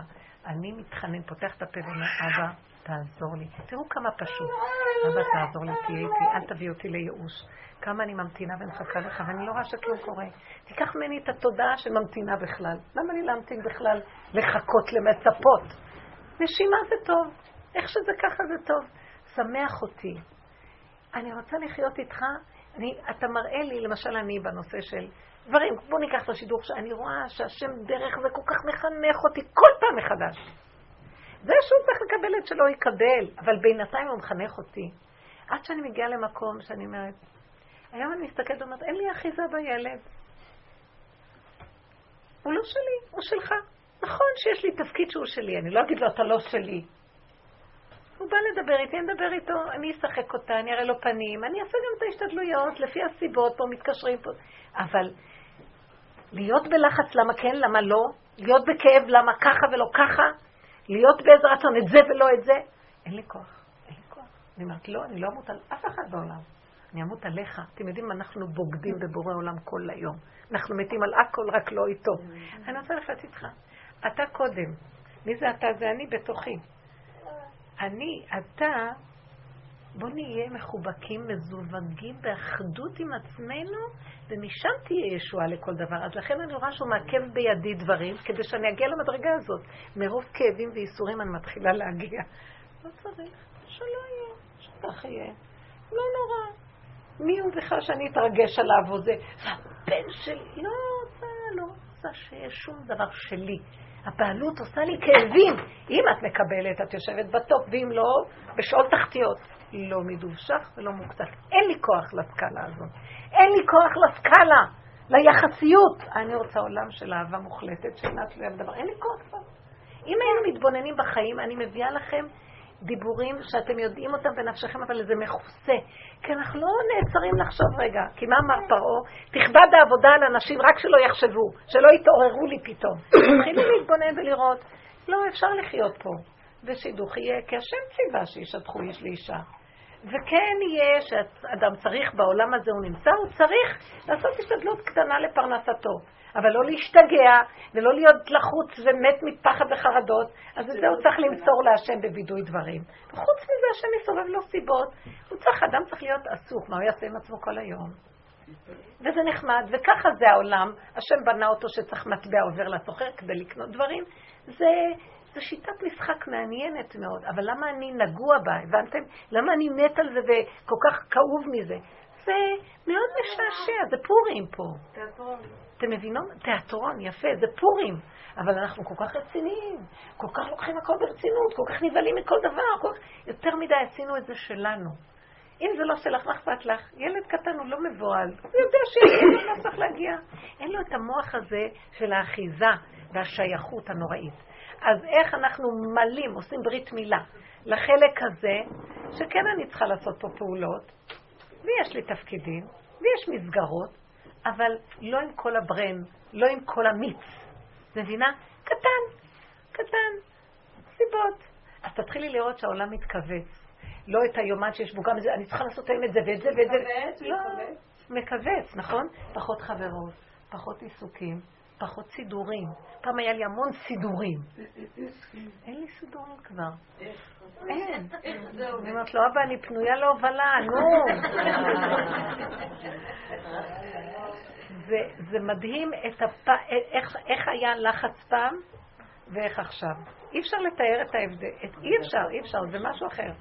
ובתוך כל זה אני רואה שזה לא תלוי, שאני, היום שלי עמוס, ובכלל לא עשיתי כמעט כלום. אתם מבינות מה אני מתכוונת? יש בו תכנים פנימיים עדינים קטנים ממלאים, שהם לא בכלל בפונקציה החיצונית של מה שהעולם אה, מודד. אין את המדד הזה בכלל של העולם. מה עשית היום? מה עשית היום? כלום. מה, כלום? אתם יודעים כמה יש בכלום הזה? משוגעים העולם. מבינה? כן.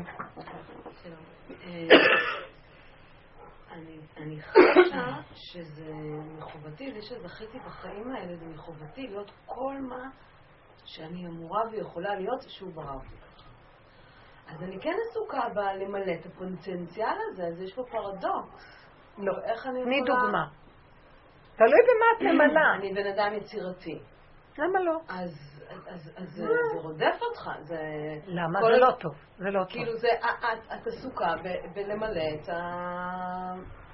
תראי, את מה שאת חושבת באותו רגע שאת מבינה שהוא הייעוד שלך, כאילו חשוב לי, זה, זה, זה גם נראה לי לעבוד אותו, להיות כל מה שהוא ייעד אותי להיות.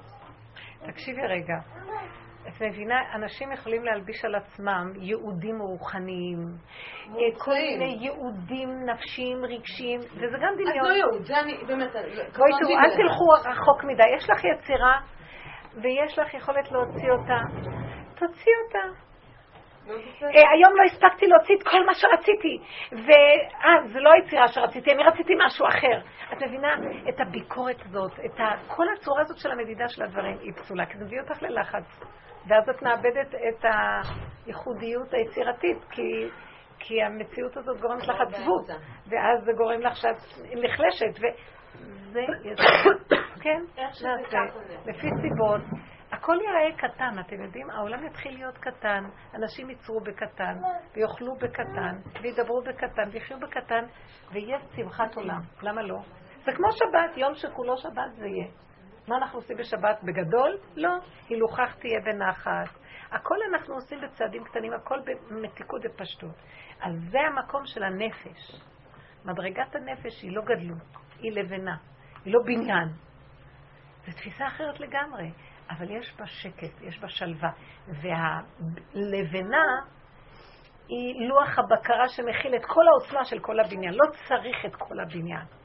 את נוגעת, כמו שעושים בדיקור, את לוקחת את הנקודה שהיא בעצם מפזרת אחר כך לכל המקומות את מה שצריך. שמה צריכה להתעסק בפריפריות של הדבר. זה ארץ ישראל. אנחנו פה מתפללים וכל העולם ניזון מארץ ישראל. אנחנו פה שותלים וכולם מתברכים. את יודעת? הבן אדם הוא בחינת ארץ ישראל. הוא מדבר מילה וההדים הולכים בכל העולמות. הוא פועל פעולה טובה קטנה וכולם מתברכים מהפעולה. לא יודעת מה זה, המעט הוא רב. הקטנות, הצמצום, הריכוזיות, היא משהו מדהים. אנחנו לא רגילים לזה, זו תפיסה נוראית, התפיסה שאנחנו חיים בה. גדלות שיגעונית. ואז שום דבר לא מספיק לנו, ואנחנו ממורמרים וכאובים, וזה דמיון, והוא מכלה בנו. הוא שודד לנו את המערכות ואת החומרים, אתם יודעים. אני תמיד קיניתי באנשים שמסתפקים במועט. תמיד. כל הזמן שראיתי בן אדם שטוב לי ואני עובד שלוש שעות, וסבבה לי. ואני רואה, זה נראה לי כאילו, כל הזמן אמרתי, יא, איך אתה מסוגל כאילו להיות מסופק משלוש שעות? נכון. והיום אחרי מה שעברתי בתקופה האחרונה, הגעתי כן. למצב עם עצמי שאני לא רוצה, לא רוצה אה, אה, כן. עסק גדול, לא רוצה עסקים גדולים, כן, לא רוצה. כלום. לא זה הולך על המקום הזה היום, הרבה אנשים אומרים לא ככה, רוצה. עייפים. רוצה את השקט שלי, את הנחלה שלי. אתם רואים? את זה ה- שגם עברנו לגור באזור הזה, לדוגמה, עם הרבה אנשים פה. כן. אנחנו בחרנו לצאת מהמרוץ. נכון, נכון. יש- יש כאן קהילה, לא, אני מרגישה כאן קהילה כן, מדהימה. את בוחרת איזון. קצת, אה, קצת טבע, קצת פה, כן. קצת קהילה. תראי, זה את תהליך, זה לא בבת אחת. כן, נכון. יש כאן משהו. זה נראה כאילו העולם השני שלכם פה. כולם עברו כבר איזה עולם עד שנפלטי העולם, אתם יודעים. אין דבר, גם אני. זה מתחיל להיות ככה. יש פה, אבל מצד שני, סתם, זה לא קשור, אבל יש פה ערבות הדדית ברמה מאוד מאוד מדהימה פה. לא? כן, כן, שמעתי. באופן אה, כן, לא משנה. אני מברכת אותך, שמעתי דברים מדהימים. יש כאן שכינה, באמת, לא סתם. יש כאן עניין, יש כיסים, יש כיסים שאת מרגישה, איך אומרים, כי מציון תצא תורה. יש נקודת ציון שממנה יכול להיות התחלה. האזור הזה מש- משפיע על כל החלקים הרחבים פה. יש נקודות שזה ירושלים הקטנה פה. בעזרת השם.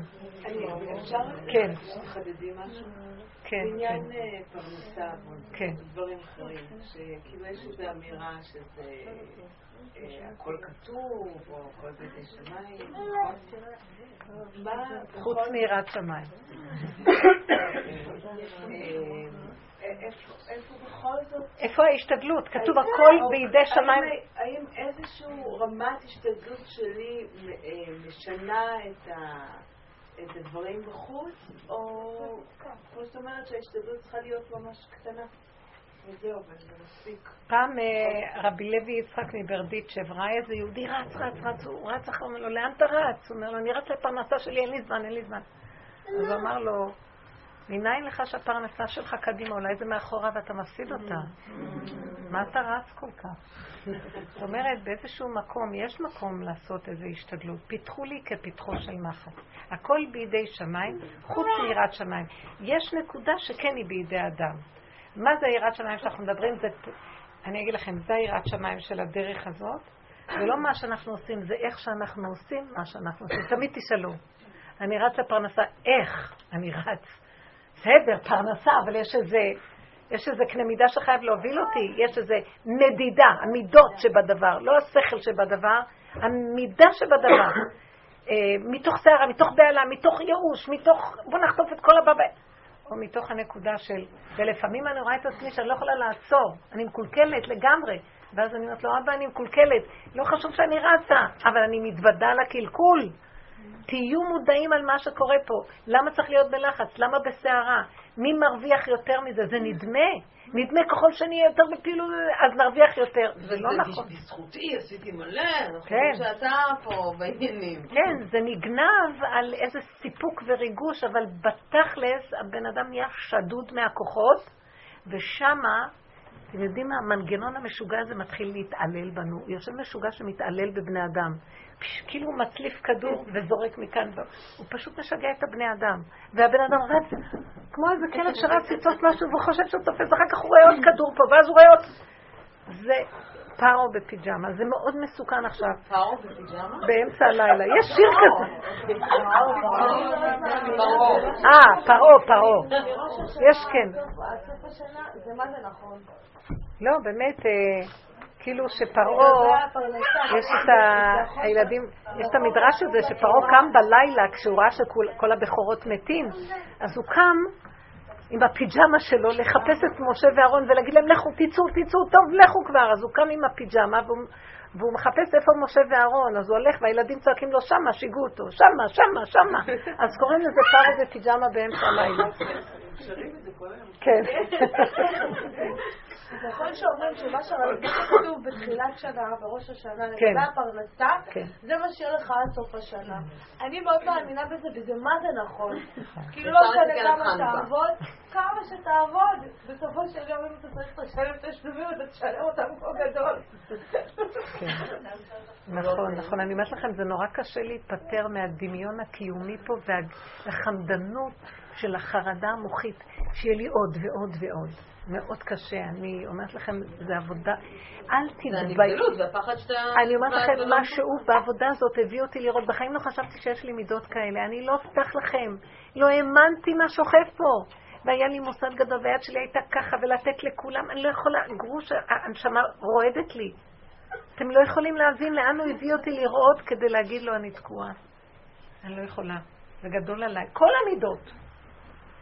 אז תבינו שהמטרה היא לא שאנחנו יכולים לשלוט בדבר. זה כאב נוראי לראות מידות כאלה. זה כאב, אבל, אבל, רק הכאב הזה מביא אותי להכנעה. אם אני לא אשתגע ממנו מכפייתיות. כן, אז מי שיש לו שכל טוב, הוא אומר, טוב, טוב, תיכנע, תהיה בריא. מה, תשתגע? תודה באמת. תלמדו להודות באמת, תודו באמת, אין מדרגה יותר גבוהה משל להודות באמת. נצחנות, יש לי עכשיו איזו אישה שהבת שלה מטפלת אצלי. יש לה, הייתה מופרדת המון אשפוזים אה, בבית חולים לחולי נפש. והבת הזאת הגיעה אליי, אני, אני אומרת לכם, היא מיוחדת, לא ראיתי, לדעתי היא, היא מנושאי כליו החשובים של משיח. מה שהיא עברה בימי חלדה והיא צעירה.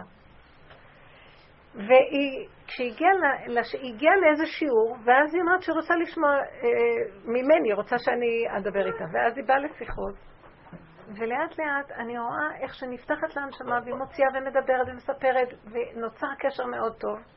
נושפת לי בעורף האימא שלה, פסיכולוגית. אני לא יכולה, אי אפשר לתאר לעצמכם את הכפייתיות שיש לאימא הזאת. אבל חייבת את הכדורים, היא לא לקחה את הכדורים, היא לא לקחה את הכדורים, והביאה כדורים, היא לא כדורים, עוד פעם יש פה, זה כדורים, כדורים, כדורים, כדורים, כדורים. ואז אני רואה עכשיו מה אני עושה, אני ישר קולטת את האימא, הבת בורחת ממנה והאימא רודפת. ואני לא יכולה, כי אני חייבת לעשות כאן קשר בין כולם. כי אני לא רוצה להפנות עורף לאימא. אז אני מנסה לעבוד עם האימא, ואני אומרת לה, את יודעת מה? שימי לה חמש מיליגרם מהכדור הזה בכוס בלי שהיא תרגיש. כי היא לא רוצה כדורים, היא רוצה לצאת מזה. בוא נעזור לה, בוא ניתן לה יד. בשלב יותר מתקדם כבר של הטיפול. וראיתי שהיא כל כך התחילה לחיות, והיא כל כך מרגישה שהיא רוצה לחזור לחיים, היא לא רוצה את כל הכפייה הזאת. אז האמא לא שומעת אפילו, היסטרית. זה יכול להיות, זה יכול להיות. אמרתי לה, בסדר, נשים לה בכוס. אפשר. אבל אל תגידי לה, לא, היא צריכה לדעת שהיא לוקחת את זה מתוך שבחירה. אמרתי לה, היא לא רוצה, היא בוחרת שהיא לא רוצה. לא, היא לא. ואז ראיתי שהאימא... אני ראיתי את האימא. תדברי עם הבת שתשים לה בלי שהיא תרצה.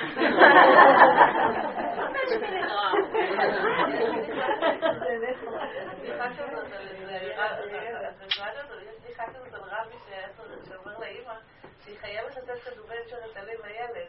והיא אומרת, אבל מתי אני אתן לו בבוקר, הוא לא יזכה ככה, ואומרת, טוב, כן, אל תדאגי, תשים את זה בחדר, אבל אני אגיד לו, תלך לעשות לי קפה.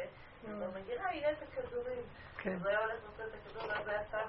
אז האמא אומרת לו, נו, איך הילד עכשיו לכם, אז הילד שואל אותו, איך עכשיו אתה יותר טוב לך בלימודים, זה יותר נורא, כן, ואז שאני שם למורה את הכדורים, הכל רגוע בכיתה. אבל אפשר לשאול אותך שאלה גם? כן. יש לי קצת ככה, לא יודעת, דילמה בין, שיש משהו שאני רוצה לעשות, כאילו בקדושה, משהו שקשור לעניינים של תורה, לעניינים של, אפילו סתם לעשות את השיעור הזה נגיד, שהאמת אמרה באמת, אנחנו יודעים מדורגל גם של להגיע למצב, ברוך השם הזה. וכשאנחנו רואים שלא הולך משהו, אבל אנחנו רואים מצד אחד יש את העניין שאומרים זה ממניות של הקדושה, או היצר הרע אורב לנו בפינה, או שזה באמת לא הולך, כי השם לא, זה לא רצון השם שזה יקרה. אז להתעקש על זה, להתעקש... תקשיבי, ההתחלה מתחילה מזה שאת שמת את המילה קדושה. אוקיי, שם המדינה. רוצים בקדושה. לא, אני אומרת לך, קדושה וטהרה. תרפי. הילד אוכל זה קדושה, הוא נושם זה קדושה. הוא לא אומר ברכה, תגידי את במקומו, ברוך אתה השם, תגידי את לעצמך, תרפו, תרפו, אנחנו נשתגע, השם היום לא, פעם עבדו ככה, היום הוא לא רוצה ככה, כי יש התנגדות למהלך הזה, כי למה שזה לא ילך באמת? את רוצה כל כך טוב ולמען הד... ויש כזה התנגדות. מה, מה גורם לכל ההתנגדות הזאת? השם, לא, השם שולח את השטן, הוא לא רוצה. הוא שולח לנו את המעכב הגדול, המתנגד הגדול. למה? כי השם אומר, אני לא רוצה שתמשיכו ככה. כן, לא הוא לא עושה את זה גם בשביל שאיפשהו נתעקש יותר תתעקש בקטע טוב, לא בקטע... תתעקשו, יכולה להתעקש. את רוצה להתעקש? או לא להישבר. את יכולה להתעקש? אני רוצה להגיד לכם, בואו ננצל, רגע, בואו ננצל כיוון אחר. את רוצה ללמד אותו איזה ערך נעלה, נכון? משהו. תני איזה דוגמה, מה את רוצה שהוא יעשה? שמה? הוא לא רוצה ללכת לבית ספר. בית ספר חילוני? לא. דתי, הוא לא רוצה ללכת לבית ספר. וחילוני הוא כן רוצה? אה, אז זה לא על הסקאלה בכלל שלי, זה לא אפשרות בכלל, זה לא שאלה. כן. לא הייתי שואלת אותו את זה. אתם יודעים מה? יש איזה משהו שאני רואה גם שזה נובע גם מאיתנו. אה, אולי זו נקודה ששייכת קצת אה, אצל בעלי תשובה, אני לא יודעת בדיוק, אבל נראה לי שיש דברים שלא שואלים אף אחד, שקובעים אותם כהנהגות חיים פשוטות, קטנות ופשוטות. אין בכלל על זה ויכוח. בגלל שההורה נותן הרבה מקום, זה, זה כאילו מהלך הפוך ממה שאני מדברת בדרך כלל. כאילו, קודם כל בואו נתחיל עם המצב הפשוט. בבית אוכלים, שותים, מסדרים, יש הנהגות פשוטות. לא להכניס בזה איזה ערכים גבוהים. וואו, קדושה, עולמות, חינוך, אה, נפש, פשוט גולם שצריך לקום, ללכת, אני הולכת לעבודה, אבא הולך לזה, אתה צריך ללכת לפה, אין קושייה ואין עוררין, נקודה. צריך ללמד את הילדים, אבל יש איזה משהו מבולבל. איך? זה סדר יום. סדר יום פשוט, אבל גם לא, גם לא לעשות אותו כאילו קשה, אלא מציאות, מציאות. מכניסים את הערכים ופרשנויות לערכים, ושם מתחילה להיות הבעיה, ואז הילדים רוכבים על זה. קדושה. מה קדושה?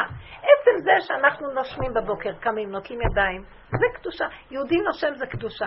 יהודי אוכל זה קדושה, מברך זה קדושה, הולך זה קדושה. לא, אני, אני, כבר נגבו לי כאן שתי שאלות. אני מדברת על משהו אחד, זה בסוף... לא, רק רגע. אז אני אומרת שיש איזה... לא, לא, זה לא... זה דבר אחד. אני קולטת דבר מהכיוון שלך תמיד. וזה, סליחה שאני אומרת, בסדר? את, את משתמשת במילה קדושה, ברצון לזה, למצווה ולקדושה, ול... תרדי מזה במחשבה. לא, לא, לא, תקשיבי, זה גורם התנגדות אצל הילד. תרדי.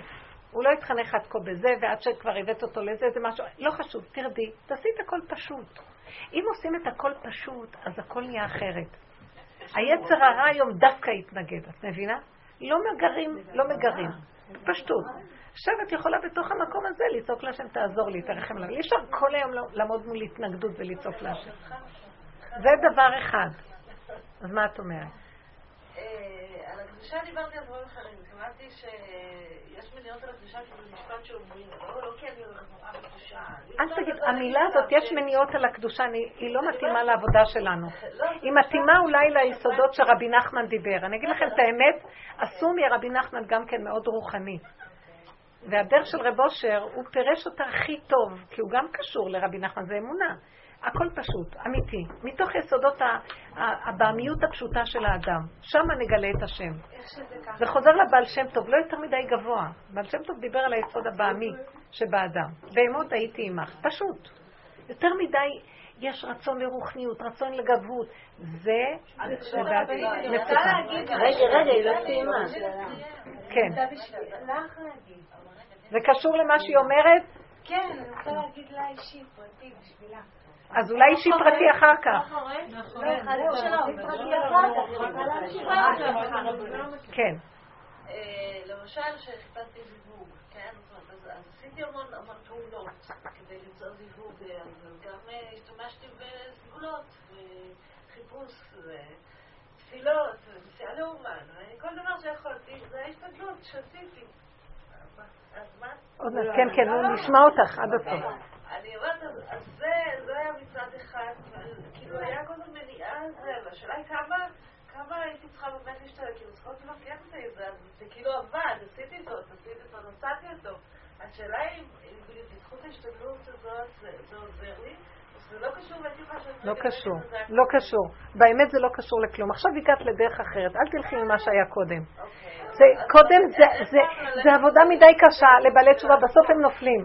כי הם מחפשים רף גבוה והשתדלויות, והם רוצים, וזה לא טוב, זה תוחלת ממושכה מחלת לב. תלכו פשוט, תלכו פשוט, בעלי תשובה טעו בדרך, לא הולכים נכון. הם צריכים ללכת בפשטות. כן צריכים תורה, כן צריכים הנהגה, אבל פשוטה, פשוט, הכל פשוט. מה שמתאים בפשטות, לא בגדולות ובנפלאות. כי לוקחים כאילו את האורות, את הרצון, את הזה, וחוטפים מכות. ואחר כך נשברים, ואחר כך עושים את הכל. זה מסוכן נורא. פשוט, תדעו לכם, השם ישמור על הקדושה. השם ישמור לנו על הקדושה, כן. עצם זה שאת נושמת זה קדושה. לא לקחת קדושה ולעשות אותה בשמיים, היא פה. את אוכלת, את לועסת, זה קדושה.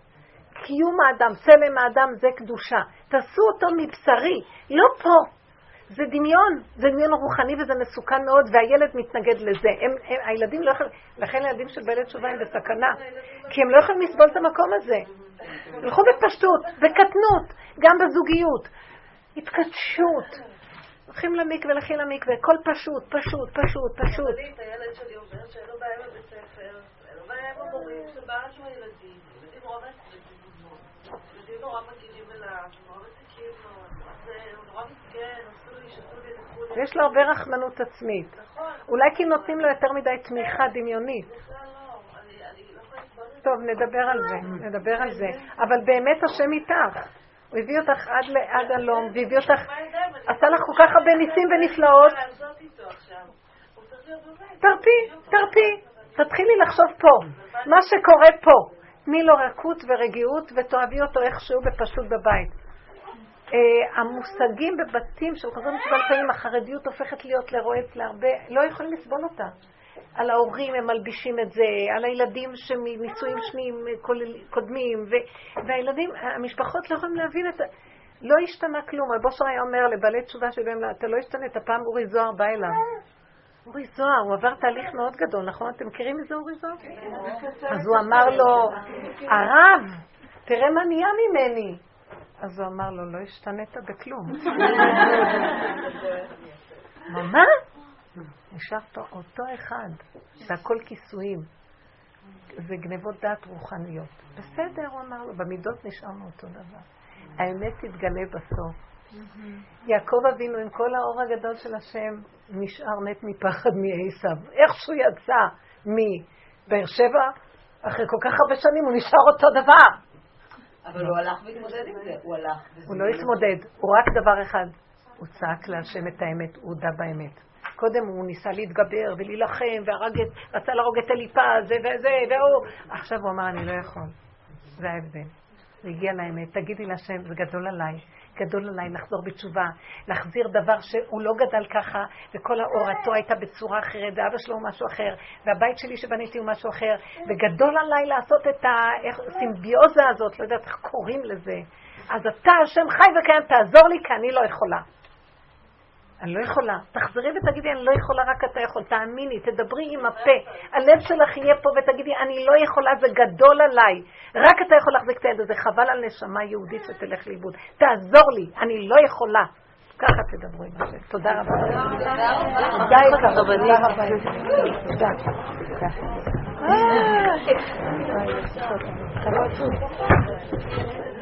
Huh?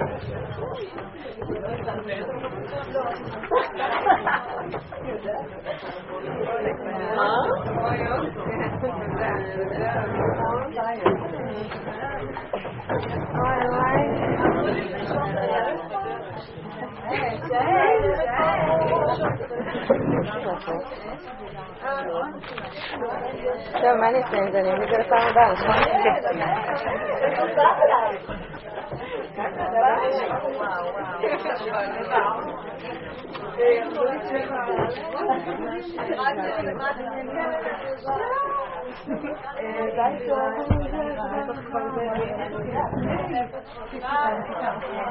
לא, לא.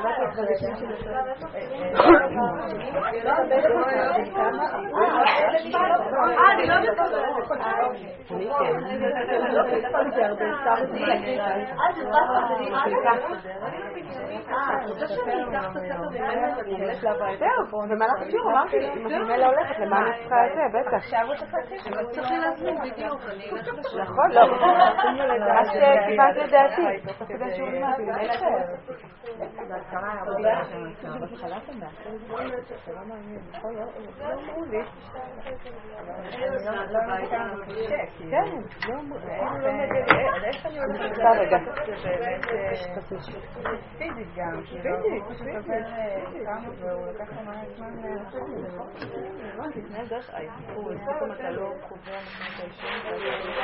מנהלים אותך,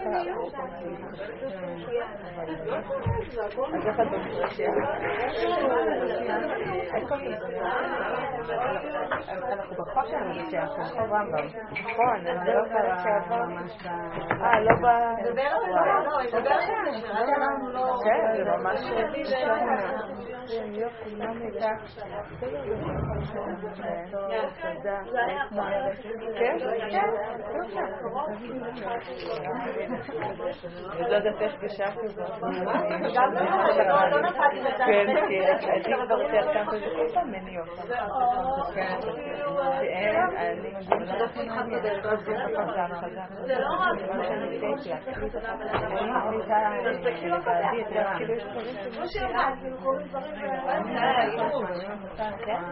את יודעת לשלוח להפסקת בכל זאת, אז איך את כאילו עד ארבע לפני? אני מאוד...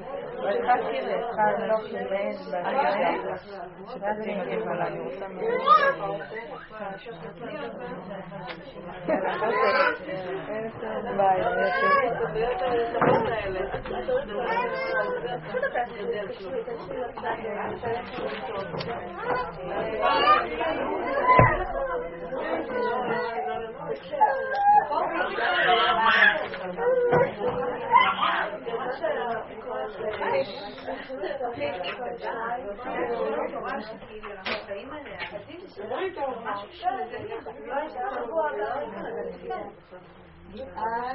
עד שאת מבינה לא חצי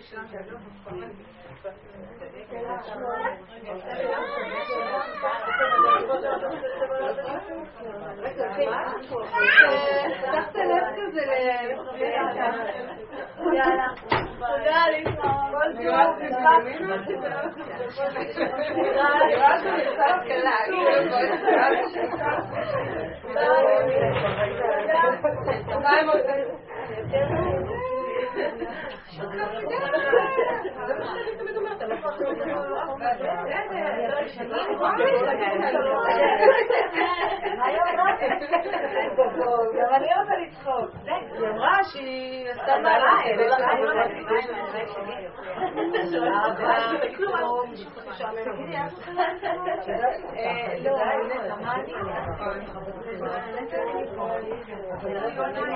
נטע, נטע, היא רוצה בול,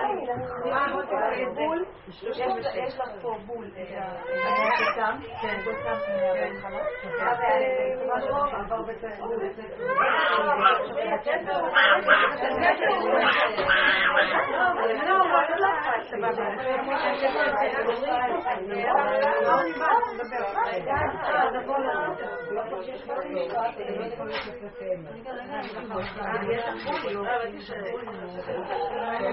כן.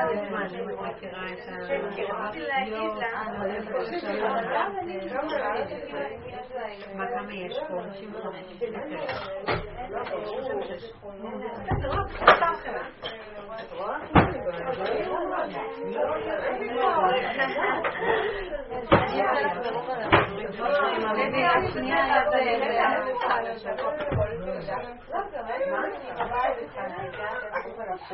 אוי,